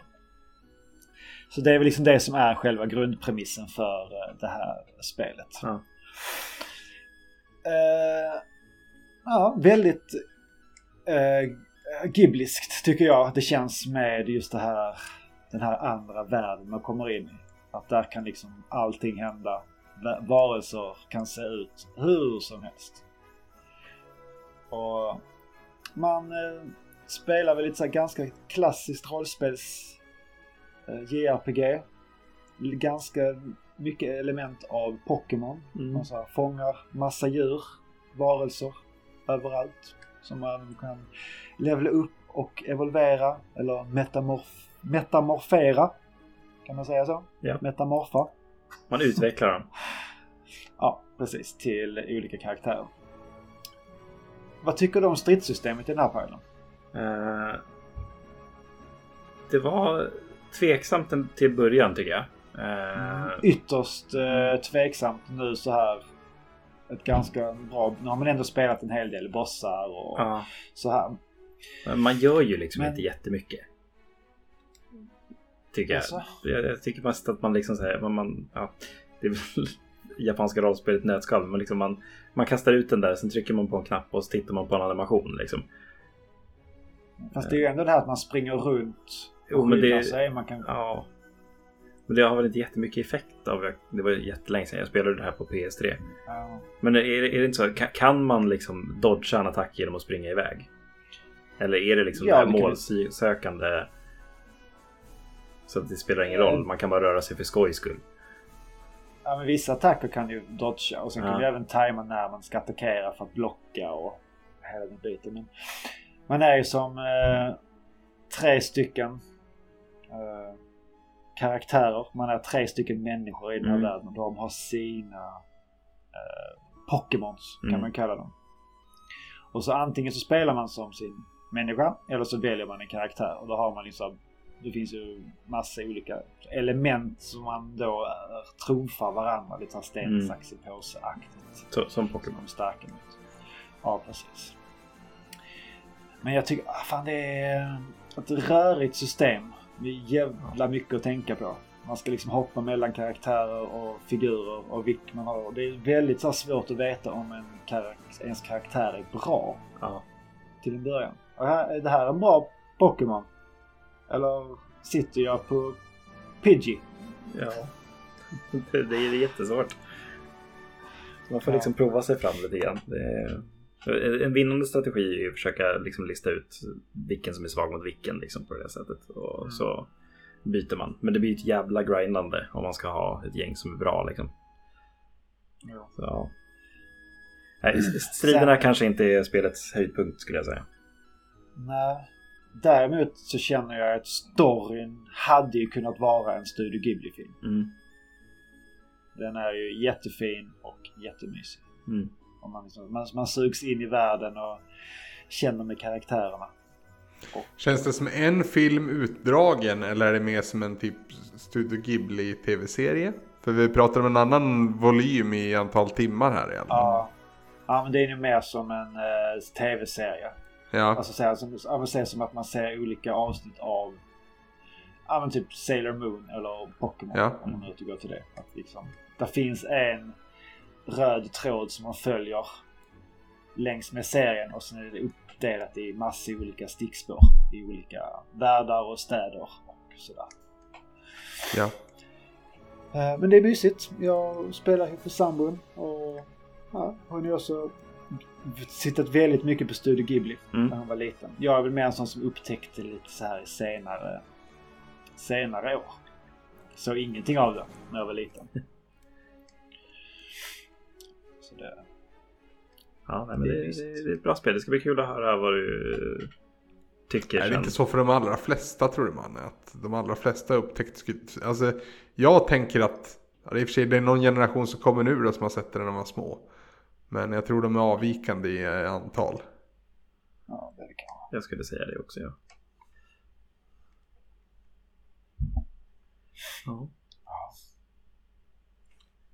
Pajlen. Mm? Vad har du spelat för någonting?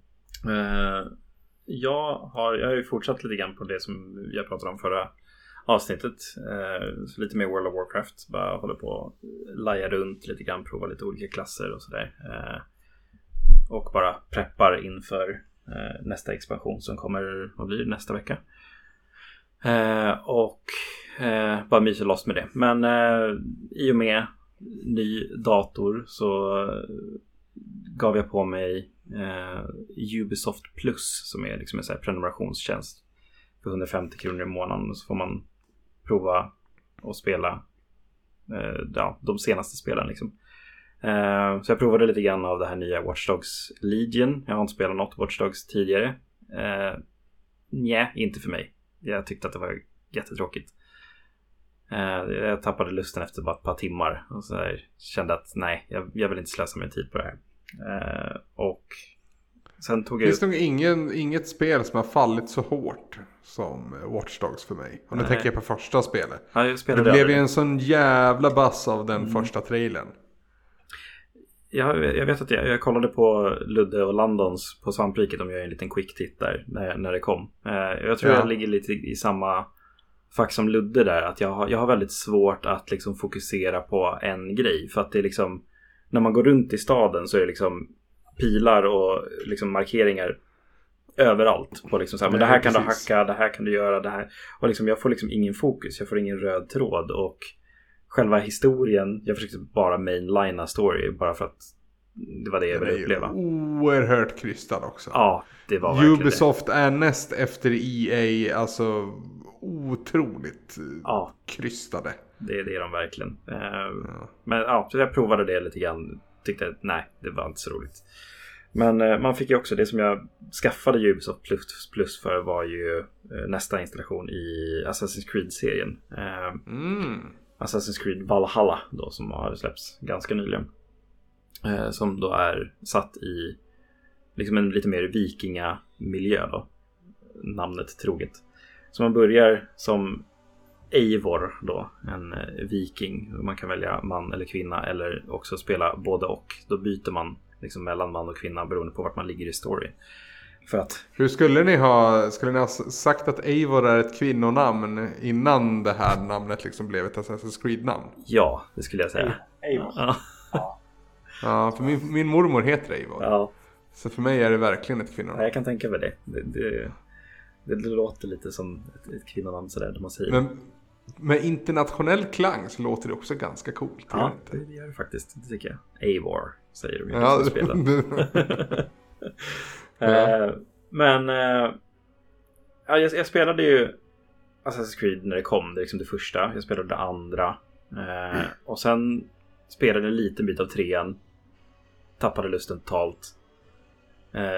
och sen spelade jag jag vet att jag spelade Black Flag lite grann när det kom till eh, Eh, PS4. Eh, men sen sa jag bara nej, alltså Assassin's Creed är bara samma om och om igen. Eh, sen så gjorde de den här stora rebooten med Assassin's Creed Origins. Där de liksom revampade hela systemet och liksom gjorde om mycket av liksom grunden av vad Assassin's Creed var. Eh, liksom gjorde om stridssystem och det var loot och levels och ja, stats och sådana saker som får, får mitt tv-spelshjärta att bulta lite extra. Eh, men jag, jag, provade aldrig Origins, för jag tänkte att det är fortfarande Assassin's Creed. Jag hoppade på nästa spel då, som var eh, Odyssey, som var satt i eh, Grekland då, eh, där man spelar som en spartan.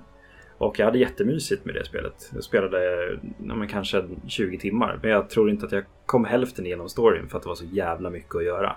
Och världen var gigantisk. Det var liksom hur mycket som helst att göra på varenda liten landsdel och det var saker att plocka upp och det var loot hela tiden och det var eh, liksom svåra monster och bossar och allt möjligt. Det var så här, jag orkar inte ens klara det här spelet. Det, det var liksom för mycket till slut. Men eh, nu sitter jag här igen med ett nytt Assassin's Creed. eh, som då är Tror du att det kommer vara annorlunda nu? Det, det lilla jag har provat av det hittills så känns det lite mer fokuserat. Eh, de har också gjort om liksom lite mer en liten tajtare värld är det definitivt. Även om den är den känns väldigt stor hittills. Så tajtare det... rent geografiskt tänker du? Ja, precis. Den är inte, Berättandet den är... av världen? Både och skulle jag säga. Okay. Uh, så, att, så världen känns mindre, liksom, det är inte lika många liksom, stora ritter och ja, men, i Odyssey så var det ju väldigt mycket av de här, det här seglandet mellan de här olika öarna i Grekland. Liksom. Och det tog ju jättelång tid när man skulle liksom, ja men du ska, och det var ju mycket fetch quests liksom i det. Så man säger, ja men du ska gå och prata med Sokrates där borta och sen ska du gå eh, bort till andra ön på andra sidan havet och så händer det 25 saker däremellan och så bara, ja du tog lite lång tid på dig. Ja, ah, jag stoppade 1400 eh, soldater och hade ett krig emellan och plockade upp den här och eh, slogs mot en medusa och ja. Eh, det vart liksom inget flyt i historien. Eh, men det tycker jag är lite skillnad nu med Eh, Valhalla. Som sagt, tajtare värld. Det är inte lika mycket liksom som händer på olika ställen. Eh, jag gjorde även man kan ju liksom göra lite inställningar för liksom hur man vill spela rent eh, liksom på kartan. Man kan ju liksom ha så att man har alla pluppar uppe hela tiden, vilket är jättemånga fortfarande. Och liksom har den här lilla minimappen eller kompassen som där och pekar liksom, ja men det är 300 meter till den, det är 600 meter till den och sådär. Men jag har liksom bantat ner den här så mycket det bara går till att ha liksom i princip bara the main quest-saken, små side quests som är skitbra i Valhalla för övrigt för att de tar typ tre minuter att göra och så är det en liten rolig historia här igår så skulle jag hjälpa någon nudist att komma i kontakt med sin flickvän som var nedanför en klippa. Och då skulle man typ klä av sig naken och dansa och grejer och sen var det klart. det är så här skitdumma grejer som går lite snabbt och så får man lite XP och så får man lite loot och sådär. Men... Eh, Låter som det bästa sidequestet jag har hört någonsin. det är totalt meningslöst egentligen men man skrattar lite grann. Eh, det, det, det hjälper. Eh, men sen så är det liksom, men stridssystemet är rejält omgjort. Eh, alla strider kändes väldigt samma samma i Odyssey tyckte jag. Det fanns en vinnande strategi. I det här så kan man liksom du kan ha tvåhandsvapen, du kan ha liksom en yxa och en, eh, ett svärd i ena handen. Man kan ha dagger, man kan liksom dual-wielda, man kan ha sköldar. Och det finns ett parry-system som funkar på ett annorlunda sätt. Skillsen och liksom skill treat man har är massivt men inte för mycket. Det, det, funkar på ett väldigt bra sätt. Man låser upp liksom små perks och liksom abilities utifrån så här, men du får lite mer stealth eller du får lite mer eh, miliskada eller du kan bli snabbare med din båge och sådär. Eh, så att det känns alltid belönande att liksom ta sig in sin strid och liksom ta, ta sig an ett kamp och sådär. Eh, men framförallt så känner jag väl lite grann, jag vet att många har sagt det, men att det skulle vara kul att se att de bara gör sin egen grej istället med den här serien. Alltså ta bort det här Assassin's Creed. För jag, jag känner mig inte som en assassin alls. Jag är en fucking viking. Jag springer in i den här byn, jag blåser mitt horn och sen så börjar jag hacka liksom. Vadå springa runt med min lilla wristblade och hacka folk i ryggen? Nej, jag vill liksom... Har, har Assassin's Creed gått lite i Kratos fotspår? Nästan. Det känns som det, i alla fall med det här spelet. Eh, för att jag, jag, har ingenting emot stealth-spel. Jag tycker att det oftast är väldigt kul. Eh, men i vissa spel så känns det bättre liksom att bara gå in och kötta. Liksom. Och speciellt i Valhalla då så är stridssystemet så pass roligt och eh, eget i allt man använder. Eh, så att man liksom vill testa de här olika sakerna. Det är en annorlunda setup genom att ha yxa liksom i högerhanden och en, ett svärd i, i vänster hand. Då får man liksom annorlunda kombos. Men kan du switcha om dem, då får du helt nya kombos. Byter du då sen till en eh, liksom Eh, ett eh, liksom, vad heter det? Flail, alltså mace liknande liksom en kedja med en liten boll på i princip. Eh, som man liksom snurrar runt. Då är det helt andra kombos. Så byter man från yxa till den till andra och sådär. Ja, det, är, det är ett roligt stridssystem. För att vara ett Ubisoft-spel måste jag säga. Eh, men sen så tycker jag väl framförallt är det bara skönt att ha ett så här mellanspel. Jag, jag kan bara stänga av hjärnan och spela. Och det är skitskönt att bara ha det ibland. Och det funkar jag tror perfekt. Bland de första gångerna jag hör någon säga att AAA-spel, Assassin's Creed, är ett mellanspel.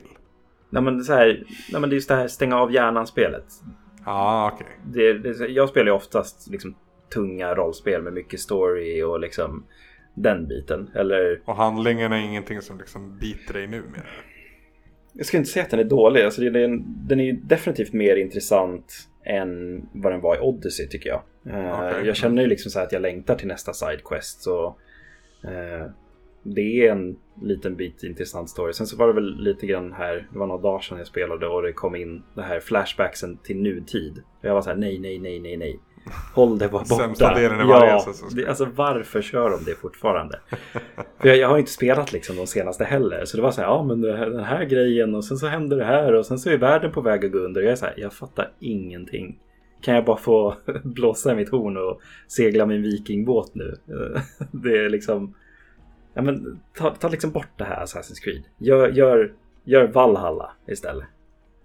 Fullt ut. Sen skulle väl inte folk köpa det då? Det är det som är grejen. Ja, eller jag vet inte. Jag, jag, jag tror många känner det du känner. Ja. Att det där är en grej som har följt med sen första. Vet du? Ja. Och de kan liksom inte riktigt släppa det. Men det, hade varit så mycket bättre om de gjorde det. Man kan ju ja. bara liksom få vara min viking. Jag skiter man kan, i det här. Fast kan man, kan man riktigt beskylla dem för att lägga för mycket fokus på det? För det är inte så mycket fokus på det. Nej. Det är snarare en, ursäkt snarare att kunna berätta på ett visst sätt. Ja, är det, det, är det, det, det, är, det är väldigt lite. I alla fall just nu. Så mer berättartekniskt då än, ja. än någonting annat? Ja. Nej, men, det, nej, men jag, jag har mysigt med det här spelet ändå. Alltså så här Ja men sagt, Ja, gränsen. jätte, jätte, det, här, det, här är typ, to, det här är tofu i spelform för mig. Alltså jag förstår jätte, det. jättesvårt för Assassin's Creed också. Och jag, jag har haft det sen de gjorde den här rebooten. Eh, och eh, liksom gjorde om lite grann vad, vad det är. Men jag minns det, inte vad du sa om Black Flag, men var inte där liksom det många kände att nu Ja. är Assassin's Creed roligt igen? men sen så kom det ju, vad heter det, Unity som var i London där. Syndicate det, också som just var just det, just det. Lite same same. Släpper de ett Assassin's Creed varje år eller? De gjorde det var ju så ett tag, Ja. men inte längre va? Nej, nu, har- nu har de ett par år emellan. I alla fall en två, tre i alla fall tror jag. Eh, så, men eh, det, det var väl den största anledningen till varför det kändes som samma spel om och om igen i en ny setting bara. Eh, men jag har ju alltid haft den drömmen också om att liksom ja, men gö- gör ett Ja, Assassin's. Creed i Japan. Det hade varit perfekt. Men nu har vi fått Ghost of Tsushima så screw that. Precis. Fan vad bra det spelet är. Ja, det är ju makalöst. Ja. Eh, men ja, nej men eh, Assassin's Creed, alltså perfekt stänga av hjärnan spel, samla lite pluppar, eh, vara lite viking. Fan vad brutalt Men- det är också. Det flyger huvuden och Uff. sprutar blod överallt alltså. Hur snyggt är det på nya datorn? Eh, maxad grafik? nej, det är inte maxat grafik. Ska jag säga. Jag tror jag spelar på typ så medium eller någonting nu och då flyter det på ganska bra i runt liksom så här 60 fps eller sådär. Tror jag, jag vet inte exakt. Eh, men eh, jag tycker definitivt att det ser bra ut. Jag är inte någon sån här som cravar jättehög grafik utan får jag en bra spelupplevelse och liksom det ser okej ut så är jag nöjd. Så ja, nej men det, det, det, det funkar, på, funkar bra ändå. Det, datorn klarar av det i alla fall utan att brinna upp eller liksom gå max om man säger så. Så ja, nej, men Assassin's Creed Valhalla. Jag skulle ändå, som sagt, vill man ha ett spel där man stänger av hjärnan bara. Så Tycker du att Ghost of Tsushima var ett spel att stänga av hjärnan nej, till? det tyckte jag inte. Ja, det är bra. Det tyckte jag inte. Där var jag Det var, det investerad, var rätt svar på min fråga. investerad till 100% genom hela det spelet. Alltså, det, För det är, alltså, spelmekaniskt är det inte jättelångt däremellan. Det är det ställt element och det är tredje persons eh, ja, melee combat. Liksom. Men en sak som jag skulle säga, jag skulle säga så här kanske att det finns ett mer avancerat stridssystem i Assassin's Creed och liksom det finns mer av det här liksom minmaxandet och liksom men det, det som jag gillar, liksom jag har ju spelat liksom 700 timmar senaste Monster Hunter. Eh. Och det är liksom väldigt mycket av det här liksom samla gear, skapa loot, grinda, hela den biten. Och det, det finns ju mer av det i Assassin's Creed Valhalla. Men det som Ghost of Tsushima gjorde, som, som jag verkligen gillade med liksom hela stridssystemet och hela spelet överlag. Det var att det var så jävla cinematiskt hela tiden. Det var liksom aldrig svårt eller någonting men jag ville avsluta de här finerna på liksom det här coola sättet eller jag, jag ville känna mig badass. Du spelade ju som Jin, du rollspelade ju. Precis. Och det, det var länge sedan jag upplevde det i ett spel på det sättet. Ja, Så, ja helvete. ja, men ska, man ha, ska man ha ett open world-spel och inte ha spelat Ghost of Tsushima så ja, men alla dagar Ghost of Tsushima. Ska jag säga. Faktiskt. Det är ju allmänt känt höll jag på att säga att jag är en sucker för sucker punch. Ja. Eh, och det här är ju deras bästa spel hittills. Ja. Har vi landat i. Det är ju liksom med. ett helt, helt ny division för dem. Jag vet, eh, jag och Niklas eh, gjorde ju en co-op videorecension Mm. på, på det här och inledde då, eller jag hänvisade till vår inledning på vår co-op recension av Infamous Second Son heter det va? Det här PS4 launch-spelet. Precis. Som vi också gjorde en co-op recension på, då i textform. Mm. Men då minns jag att jag typ avslutade med, jag tror det där blev citerade för också, att eh, Sucker Punch spelar i en annan liga. Mm. Så kände jag då, ännu mer nu. Ja. Nu är det liksom nästa liga ändå. Nej, men då- Måshöjdens BK, Sucker, Sucker Punch. Ja, nej, men alltså, jag, jag gillar dem att de också gör, ja, men gör sin, sin egen grej. Liksom. Det, är, det är lite nya Rockstar. Nästan. Ja men det, det känns ju Det känns ju lite infamous, det känns ju lite sly även Ja. i Ghost av Tsushima. Absolut, absolut. Och det finns ju väldigt mycket i likhet med Assassin's Creed på det sättet. Men ja, tänkte, men... tänkte på det när du pratade om stealth. Att, uh, jag tyckte Batman förstörde stealth-spel lite grann. Ja. För efter Batman så vill jag inte uppleva stealth-spel på något annat sätt. För jag vill ha Batmans gadgets. Ja. Liksom. Jag tycker det är behändigt att ha. Och alla sätt att använda dem på. Det ja. Innan Batman så var det väl eh, ja, Batman Arkham Asylum för att vara tydlig. Innan dess var det väl Snake, Solid Snake som hade bästa stealth-upplevelsen. Ja. Det, det, det, skulle jag hålla med om. Men skulle man i retroperspektiv kalla det för stealth-spel? Vad var det det stod på? Tactical, Tactical eh, stealth espionage. espionage eller något sådär va? Ja, action var det ja, där också. Ja. ja, nej men jag skulle klassa dem som det i alla fall. Ja, de är svårdefinierade när det är Kojima. Ja, det är det definitivt. Man kan stealtha och det lönar sig att stealtha. Så det du säger är att Assassin's Creed är fortsatt Assassin's Creed och ja, alltså det... nu rätt så bra? Ja, alltså det, det, är samma sak igen, lite bättre. Ja. Och det är, det är inte Ghost of Tsushima? Nej, gud nej. Det är viktigt att vi fick trycka in det. Ja. Det, det är viktigt att, att, att, att, jämföra dem på det sättet skulle man säga. Men det är, Om man sagt... jagar, man jagar Kratos i uh, Norden. man är Kratos fast från ja, Norge. Fast man smyger? Nej, jag gör inte det. Okay. Ja. Men om det här är en palettrensare för dig, eh, Pajden, då vet jag att Anders har ju sina go-tos när det kommer till palettrensare. Ja, det stämmer. Och, ja. Och det, jag tänkte på Fifa-serien. Ja, alltså palettrensaren är väl till någonstans för att rensa ut. Alltså, jag tror att Fifa i så fall är smaken du vill rensa ut en palettrensare med. Var det grammatiskt korrekt det där? Jag förstår vad du menar i alla fall. Ja, för jag tror Fifa har liksom den största tårtbiten här. Ja, så du behöver andra spel för att... Det är de som rensar min palett. Få bort, få bort smaken ja. av Fifa ibland. Min, min palett är besudlad av Fifa. Ja. Det är mycket grönt jag, jag, färgpalett. I, I samma andetag som mitt fotbollsintresse exploderade upp igen. Jag har ju alltid haft ett fotbollsintresse men det har liksom gått upp när det har varit mästerskapsturneringar. Och sen har det liksom dvalat ner de senaste, eller senaste, men under, under väldigt många år så var det så. Men 2016 och eh, ja, framförallt hösten 2016 så eh, exploderade mitt fotbollsintresse igen av diverse olika anledningar. Och eh, då började jag också spela Fifa väldigt, väldigt mycket. Eh, och har väl egentligen inte slutat men ja, har väl tröttnat en del kan man säga. Och i, i, du, så här, vi pratade ju om det också i bilen. Eh, det här med listor och spel. Ja. ja. Så då bad, då bad jag dig om att sätta upp en topp 5 Fifa spel. ja, den, den, är lite lurig alltså. Ja. Um... Kom, kommer du ihåg de olika åren specifikt och hur gör du för att i så fall komma ihåg? Ja, Nej, det här det... Fifat var så, det här var detta och här introduceras den här delen. Det var väl lite därför jag hade tre ganska snabbt. För att det liksom, jag tänker på det här spelet för att, av den anledningen och så vidare och så vidare.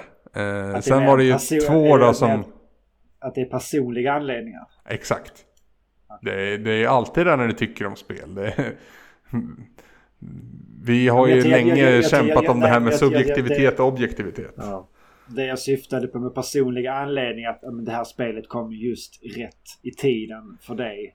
Av någonting personligt, inte om att... Hur var ja, det är lite både och där alltså. Ja. Det, det, just topplaceringen här är ju topp av en anledning. Medan andra är här mest för att eh, vi lyckades krocka just den tiden i mitt liv. Ja. Så. Men första platsen har ju mer med dig att göra Vanne, ska jag väl säga. För jag, jag fick ihop tre snabbt, jag krystade in en fjärde, men den femte den är med, den är med din. Det är Fifa 05 som vi börjar med i botten. Ja. Det är det bästa Fifat. Som du har spelat. För mig. Ja. Fast du har spelat nyare Fifa-spel, eller hur? Du har väl spelat mot mig, eller? eller? Nej. Jag har inte spelat Fifa sedan Fifa 05. Jag kanske spelade Fifa 06 typ en match. Mm -hmm. uh, Men bara, det här var inte alls som Fifa 05. Det är ju en helt Det är inte så många spel efter Fifa 05 som är som Fifa 05 ska jag vara ärlig och säga. Men det jag minns att som introducerades i Fifa 05 och det, det passar jättebra att det är på femte plats i din lista då. Uh, är de introducerade First Touch-mekaniken. Att man kan så, välja in hur man ska ta en mottagning med bollen. Uh, och sen så var uh, The Sounds uh, låt med. Det heter Seven Days a Week. Eller vad den heter. Seven Just det. days a week, every minute of the day wow. Jävla bra låt att ha i introt där. Ja, så det... Jag kan ju komma på fem bättre introlåtar från Fifa-spel direkt. det blir massa listor idag. Nummer ett på den är Blurs Song 2. Oh. För att den, eller Song 2. För, eh, ja, det var väl Road to World Cup 98. De har haft Rockefeller Skank, kanonlåt. Med Fatboy Slim. Vad har de haft mer? Shamba Wabba Thub Thumping har varit i någon Fifa-intro.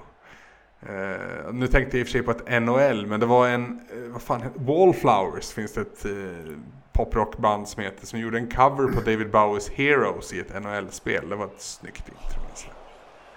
Run to the Hills kommer jag ihåg var introlåten till SSX on Tour. Det var så en jävla bra introlåt till ett uh, snowboardspel. När man ska åka ut från berget. Ja, fy fan vad bra. Ja. Men hur kommer det sig att det blev just 05 för dig Manne? Och, och ja, ja First var... Touch pratar du om, men, men varför ja, blev det inget mer då? Nej, alltså anledningen till det var att vi fick eh, den första Xboxen i julklapp. Ah. Och med den så fick vi också Fifa 05 och tennisspelet Topspin. Som right. också är ett skitbra tennisspel. Det är så jävla bra. Och det är ja. jättekul att spela fyra stycken dubbelmatch. Tennis är ju kanon. Och sitta och fyra stycken och spela tillsammans. Ja, det är en av de bättre översättningarna till tv-spel. Alltså ja, sportspelen. Ja. Verkligen. Så det... Fifa 05 spelades varmt. Både, både jag men jag spelade även karriärsläge tillsammans med min bror väldigt mycket. All right. Vi spelade liksom samma lag och eh, körde liksom. För det är det jag har gjort hela tiden i, i, i mina Fifa-spel. Alltid kört karriärsläge. Jag vägrar den där jävla Ultimate Team. Och någonting sånt. Jag kör väldigt, väldigt sällan online mot andra. Utan jag kör karriärsläget mot uh, CPUn. Helt enkelt. Ja. ja, det körde vi väl. Vi körde, vi körde så många karriärer att till slut så kunde vi inte ändra startuppställning i laget längre. startade. Det, liksom, det, var, det var flera, flera grejer som så man försökte ändra någonting så hängde sig skivan. Ja. Så till slut så var vi tvungna att köra med klassiskt. Du kunde inte ändra spelare och vi var tvungna att köra. Ja, jag har ju liksom eh, börjat starta om karriärsläget flera gånger nu. Snarare än att köra år efter år efter år efter år efter några säsonger har jag uppfyllt det jag skulle med vardera klubb och då tar jag gärna och startar någonting nytt snarare. För Fifa efter några säsonger i karriärsläget är inte roligt längre för att eh, spelarna har gått i pension och det är massvis med spelare som inte finns på riktigt som är liksom bäst i världen. Efter ganska många år är det så men eh, ja, nej, det är sådär. Men fjärdeplatsen då? Fjärdeplatsen, eh, då blir det det första Fifa-spelet jag spelade, Fifa 96. Och inte för att det var bra, utan det var någonstans här jag insåg att jag behövde gå ifrån 16-bitar till något annat. För Fifa 96 spelade jag väldigt, väldigt lite. Men jag spelade det på min Super Nintendo. Och eh, min granne i byn jag bodde i hade då eh, köpt, sparat ihop och köpt ett Playstation och hade till det International Superstar Soccer något år. Säg 96 där också då, fast det var väl 95 eller 97. Um, ehm, och jag spelade det där och tyckte det var så jävla coolt. Kom hem, tänkte att ah, det är väl ungefär lika bra på, på Super Nintendo. Det var inte lika bra på Super Nintendo. Det var någonstans här jag liksom kände att nej. För Fifa här och då, det var fan omöjligt att spela. Det var en jävla isometrisk vy. Jättetröga gubbar. Och det är synd för att det var, det var en fin tid för fotbollsspelare. Man kunde spela som Erik Cantona. man sprang liksom mot jag snett målet, uppåt alltså. typ. Det är svårt att förklara. För det är ja. ja men verkligen isometrisk vy. Tänk dig eh, RTS-spel. Ja, precis. Fast du, du, spelar fotboll. Med massa olika gubbar. Och så är den lite närm närmare då. Men eh, ja, ja. Skickar iväg sina pions för att mina och... nej, det är inte ja, så. Nej, så Fifa 96 lämnar inte så mycket intryck utöver det. Men eh, om vi går till tredje position på den här listan då. Halvvägs in. Så är det faktiskt årets Fifa. Jag satt där. Fifa 21.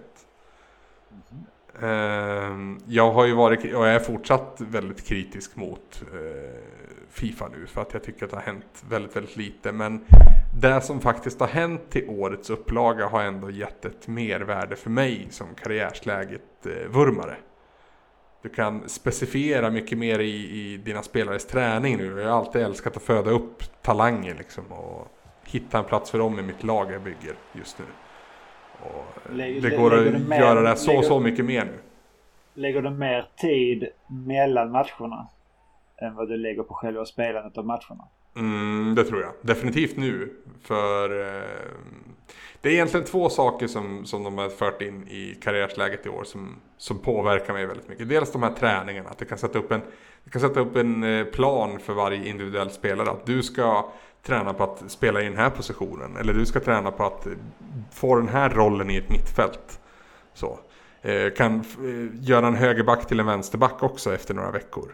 Man får liksom träna på det och så några veckor senare så har de genomfört det och så kan man aktivt ändra positionen på spelaren. Det, det har jag längtat efter jättelänge. För det har varit jättevanligt att en spelare, framförallt unga spelare då, eh, kan tänka sig att spela både höger och vänsterback. Men i spelet så eh, står de listad bara som högerback till exempel. Och spelar man då som vänsterback som de spelar i själva livet, eller i verkligheten som det heter. Eh, så, så är de inte lika bra för de spelar inte i sin naturliga position i Fifa. Så det var jättestörande. Och det andra är ju simuleringen som de har hämtat en hel del inspiration från eh, Football Manager, tror jag. För du ser liksom pluttar på en karta nu som gör saker när matchen simuleras. Tidigare så bara hoppar de ju till resultat och så... Jag har ju simulerat väldigt mycket också. Ja, man orkar så, väl så, inte spela alla matcher hela tiden, kan jag tänka mig. Nej, jag, jag har ju en, en, en god vän som, som faktiskt gör det. Som aldrig har simulerat en match. Oj. Vilket jag tycker låter det vansinne. Men eh, han, han tycker det vore jättekonstigt att simulera en match. Så att ja, det är väl som man själv vill ha det. Han kan inte spela lika många säsonger heller. Nej, jag tror inte det.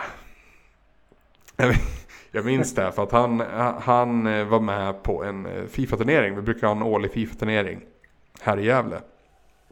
Och eh, vi har det oftast ungefär när ett nytt Fifa släpps. Nu blev det inget i år av naturliga, eller ja, i rådande läge så att säga. Men eh, han var med något år och vi startade upp ett karriärsläge tillsammans den helgen. För han, han bodde hos mig.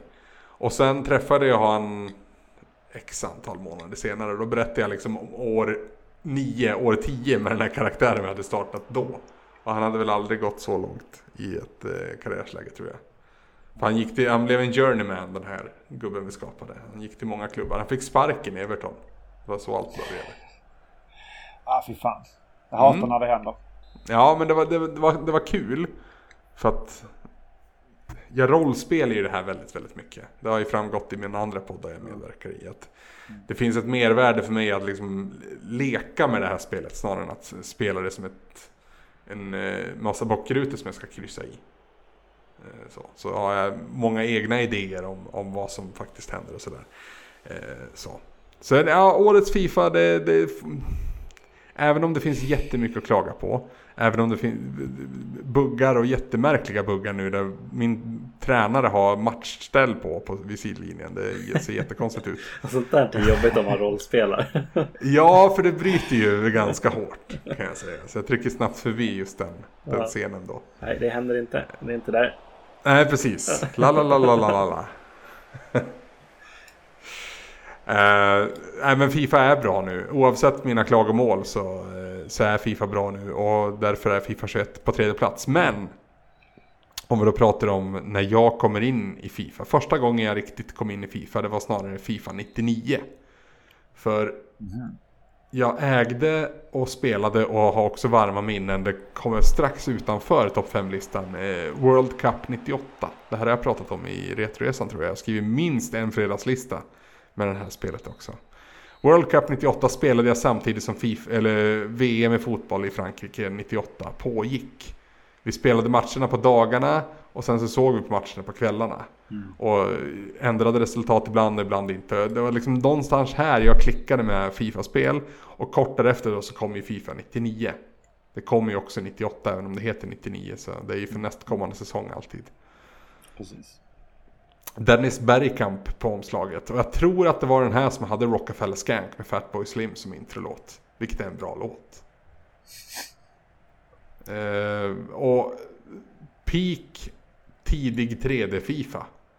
Eh, men det var också en intressant tid att gilla fotboll rent generellt. För 98 så, men 99 för United-supportrar vet ju alla vilket jävla bra år det var för vi vann trippen. Och eh, det var någonstans här vår egenfostrade talangfabrik hade börjat liksom blomma. David Beckham och alla andra liksom. Det, det, var, det var härligt att, att gilla fotboll och gilla Manchester United här. Och eh, jag kunde spela med alla de här spelarna i Fifa 99. Så att det, det klickade bra. Men du var United-fan redan då? Jag var United-fan sen typ 96 har jag sagt så här, efterhandsberättat så är det 96 jag börjar. Och det är tack vare Erik Cantona. Som vek upp kragen på ett fantastiskt ikoniskt sätt och gjorde otroliga fotbollsmål. Alltså det är helt makalöst hur han höll på. Och slutade när han var på topp. Det det den sista rockstjärnan brukar man säga om alla möjliga folk. Men det är fan Erik Cantona som är den sista rockstjärnan. Han spelade fotboll innan du eh, avslöjar din första plats mm. så har vi på tal om Manchester United fått en annan fråga till dig här om, från Anders, e Anders Eriksson.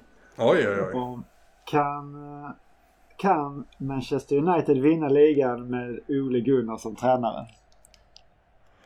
Um, ja, det är en jävla bra fråga. Det är inte liksom en, ett kriterium man ska uppfylla för att vinna ligan i Premier League just nu. För det är ju fler klubbar som vill vinna varje år än någonsin. Eller vill, som har en realistisk chans att faktiskt vinna är det fler än någonsin. Och två klubbar har ju stuckit ifrån men nu börjar många klubbar äta i kapp. United är ju inte den första klubben man tänker på när det handlar om att äta i kapp utan det... Eller så är det just det att United försöker fortfarande komma i kapp och är ganska uppenbarligen inte i kapp än. Så nej, jag tror inte det. Och, och, jag ska inte lägga det helt på Olle Gunnar, att det är hans fel. För får man inte... Alltså det var ganska uppenbart vilka spelare Ole Gunnar ville få in. Han fick inte in alla. Och det, då är det någon annan som inte gjort sitt jobb. Jag tror du inte lite det här med att är stora klubbar, stora spelare, de, det här med att spela utan publik. Att det blir liksom en psykologisk effekt av det. Alltså mindre klubbar kanske har liksom presterat bättre för att inte de har, de har inte, de är de har inte den samma vana med att det är 100 000 på läktaren. Ja, ja. Mm. Det finns, ju, det finns ju statistik åt båda håll där. Vem som faktiskt gynnas, om någon gynnas. Men jag tror alla saknar publik på läktare. Tyvärr är det väl i dagens datum när vi spelar in det här i alla fall inte i, i en snar framtid vi får se publik på läktarna igen skulle jag tro. Eh, men Mm. Jag tror United skulle må bra av att fylla Old Trafford igen i alla fall. Definitivt. Det är väl ändå framförallt en publiksport. Jag tycker ju det. Det är ju, det är ju någon konstig av, liksom avvikande grej som visas på tv nu. Det är ja. inte riktigt fotboll tycker jag. Nej men det är inte det. Det, det, det, det är ett substitut till fotboll. Och det är väl lite där Fifa nu då med Fifa 21 om jag backar i en position i listan. Fifa 21 kan jag ju låtsas som att Corona inte finns. För där är det ju publiken konstant, även om den eh, inte alltid är så eh, naturtrogen så att säga, eller autentisk för den delen. Så eh, det är ändå någonting, du har det här sorlet. Som min sambo hatar men som jag är lite, lite smått förälskad i. Ja, hur, hur är det i Fifa 21 nu? Är det publik? Ja, ja, ja. De har inga coronarestriktioner de här gubbarna. kan man inte starta de, de, de, de corona, coronaläge där alla, alla spelar med munskydd och håller två meters avstånd till varandra? Ja, det ska faktiskt man, man, man ska nog berömma saker man inte lägger till i ett spel ja, också när det gäller EA Sports. Och då, ja. dels, där, dels att de inte heller har gjort någon grej med VAR, för det har ju varit en plågoande i Premier League eh, senaste ja. tiden med videodomare. Och konstiga beslut och konstiga grunder till konstiga beslut. Och nej, där är jag gubben igen som sitter och hyttar med näven i min fåtölj. För det blev väl aldrig fel, men offside i Fifa? kan, det någonsin, kan, kan det någonsin bli att en domare gör ett misstag i ett, en offside-situation? Nej, de misstag som sker i så fall är när kommentatorerna kommenterar matchen live och säger vilken perfekt passning, perfekt timad och sen sekunden senare så blåses den av för offside. För spelet vet väl i så fall att passningen är offside. Innan den här jävla kommentatorn börjar säga det. Så att det är någon jävel som är och jävlas någonstans. För det föder ju en misstänksamhet. den här AIn, den här AIn fifflar mot mig. Det där var inte offside, den bara... Så, för det, offside är en väldigt ben, benär grej. Så att eh, i det avseendet tycker jag det är rätt att använda eh, i VAR också. Men det, det blir ju så löjligt samtidigt. För att så här, en axel kan vara spelförande. Och då, då kan en liten, liten axel i en nanosekund vid en bollträff vara offside. Man måste hitta ett annat sätt att skriva den jävla regeln. När, när, jag, när jag lärde mig offside så var det någonting om att... Nej, det var hans jag tänkte på nu. Ja, nej skitsamma. Det är en annan, ett annat kapitel. Nu lämnar så. vi det här. Det är, inte, det, är, det är inte han som ingen ser det. Medveten eller omedveten touch tror jag man kallade det på, på min tid. Ja, just det. Uh, är det ja, jag som styr bollen eller styr bollen på mig? Ja. Det var väl den stora frågan. Skit i det. Var det fler frågor från lyssnare? Nej, inte om fotboll. Alright, då går vi till nummer ett tycker jag. För jag tycker det börjar bli sent här. Ja, absolut. Eh, det fanns ju ett år där jag tyckte Fifa var som allra, allra bäst. Och där är vi återigen, handlar det om vart jag var då? Handlar det om att mitt fotbollsintresse stod på sin absoluta höjd då? För det stämmer nog om sett till år. Och sådär.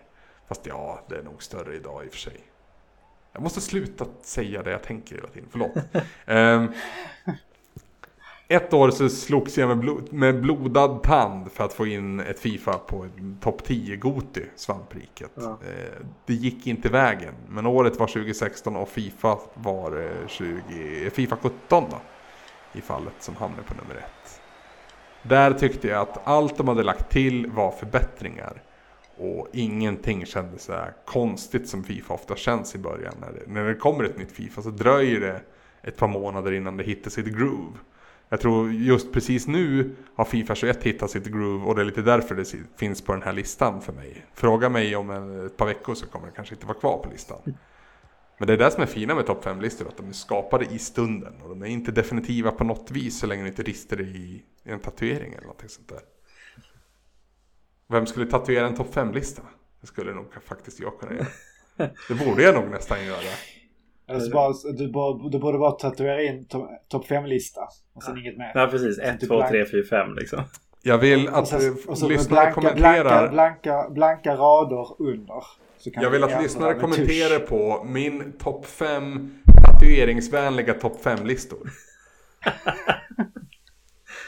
Om jag ska ha fem listor intatuerade på kroppen, vilka fem listor ska det i så fall vara? Det vill jag att eh, våra, våra lyssnare nu eller era lyssnare som också lyssnar på mig just nu, ja.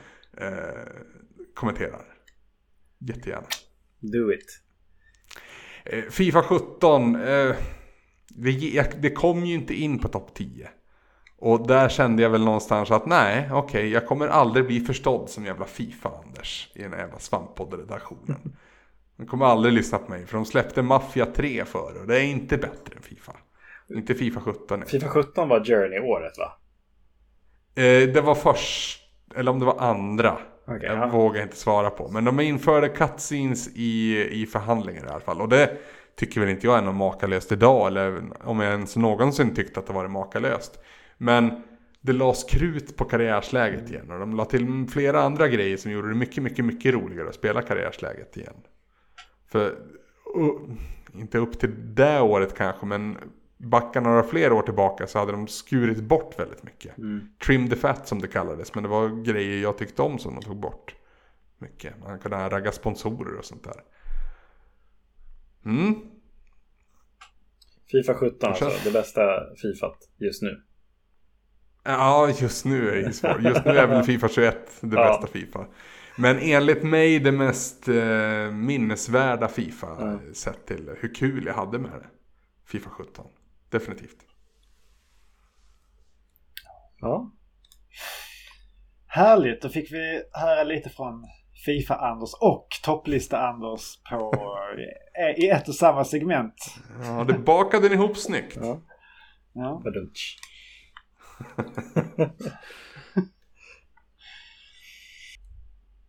Men då, innan vi avslutar så ställde vi även lite andra frågor som våra följare, eller vi, vi ställde en fråga om att få frågor. Och de frågorna, de tar vi nu. Man kan säga att ni eh. nästan har fått flera frågor. Kan det vara så? Ja, man skulle kunna säga så. Eh, ytterligare en fråga från Anders Eriksson. Ja. Eh, om Pajlen får göra nästa Monster Hunter-spel, vad skulle han då plocka in? Vad skulle du plocka in spelfunktioner ifrån? Oj. Eh, svårt. Eh, sådär. Det, det, första jag tänker på är väl kanske direkt inte någon liksom, spelgrej, men känslan från liksom Dark Souls eller liksom From Software-spelen. Eh, där. Alltså det här dark and gritty känslan eh, skulle vara kul att se. Även om det är kul att ha liksom det glättiga från Monster Hunter. Att man liksom kan ha massa olika färger och liksom man kan klä sin katt i en vattenmelonsdräkt och whatever. Men att liksom ha helt tvärtom Monster Hunter någon gång. Alltså, ja men det där dark and gritty, liksom blodigt, köttigt. Köttigt är det redan. Men, eh, ja, ja, dark fantasy Monster Hunter.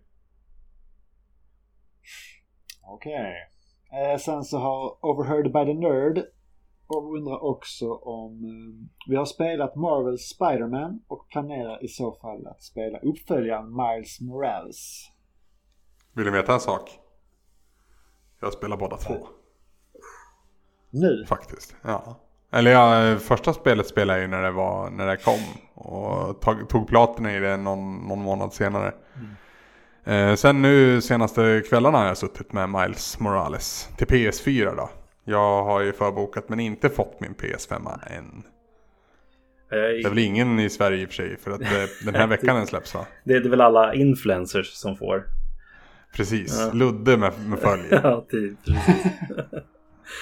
ja, nej jag är också sjukt sugen på Miles Morales men jag tror jag väntar tills jag får tag på en PS5 faktiskt. Uh, det, jag är ju en stor Spiderman-nörd. Jag har ju en Spiderman-tatuering på armen till och med.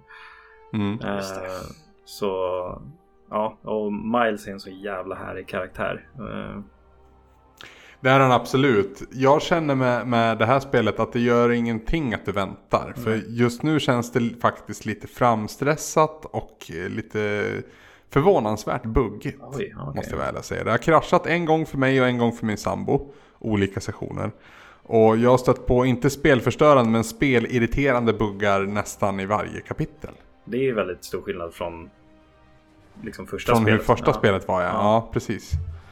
Och jag vet inte om jag spelade det när det var super, super färskt eller om det här var ett problem även då. För det här känns verkligen som ett, eh, liksom, en grej som de inte riktigt hann eh, crunch-timea bort. Nej jag tycker inte att crunch time ska vara ett begrepp ens eller finnas men, men det är tydligen så folk gör spel. Jag, jag, jag förstår inte men okej. Okay. Um, ehm, så. Men eh, det, det, det, hade mått bra av lite mer tid och det har väl säkert varit stressigt för att få ut det som en launch-titel ja. till PS5 då. Jag kan tänka mig det och i sådana här tider blir det problematiskt på det sättet. Yes. Men eh, hur är det då? Du som har spelat lite grann nu. Peter Parker är borta, eller hur? Han är på semester kan man säga. Okay. Eh, men när, när spelet kommer in, eller när vi kommer in i handlingen så existerar ju båda Spidermans samtidigt i New York. Eh, Så, men eh, under huvuddelen av Miles äventyr så är Peter inte på samma geografiska plats. Okay.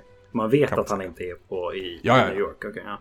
För jag har varit så nyfiken på om de har liksom tajat in det här i en eh, liksom, serietidnings-ark som finns. Där alltså det är en, typ en världsomvälvande sak där det är typ stora själsugande vampyrer som jagar alla Spider People i comicsen. Mm. Eh, och eh, de hoppar in i liksom Marvels Spiderman-universumet och rekryterar Peter Parker. Och han liksom oh. säger hej då till Miles och liksom du får hålla ställningarna här nu. Medan jag är bort och slåss mot de här liksom vampyrerna. Så jag var så här, fan tänk om de gör det här i spelet. Att det här är där Miles historia börjar. När han är iväg och slåss det här kriget. Ja. Spiderman sticker iväg för lite olika anledningar. För jag vet uh, Homecoming. Ja. Uh, är ju ett klassiskt Spiderman-ark. Och uh, filmen Homecoming är ju inte riktigt... Då kommer ju Peter, Peter snarare tillbaka från någonting annat. Ja. Men det handlar ju om att komma tillbaka och känna sig väldigt liten igen. Ja. Efter att ha varit med om någonting väldigt stort. Mm. Ja, det ska bli kul om de gör någonting sånt här. Eftersom att han ändå finns i comics-universumet nu. Jag, jag gillar i alla fall Miles Morales trots de här buggarna och irritationsmomenten. Jag, det är små detaljer hittills som har liksom fastnat för mig. Och det är bland annat det här med att svinga sig genom stan.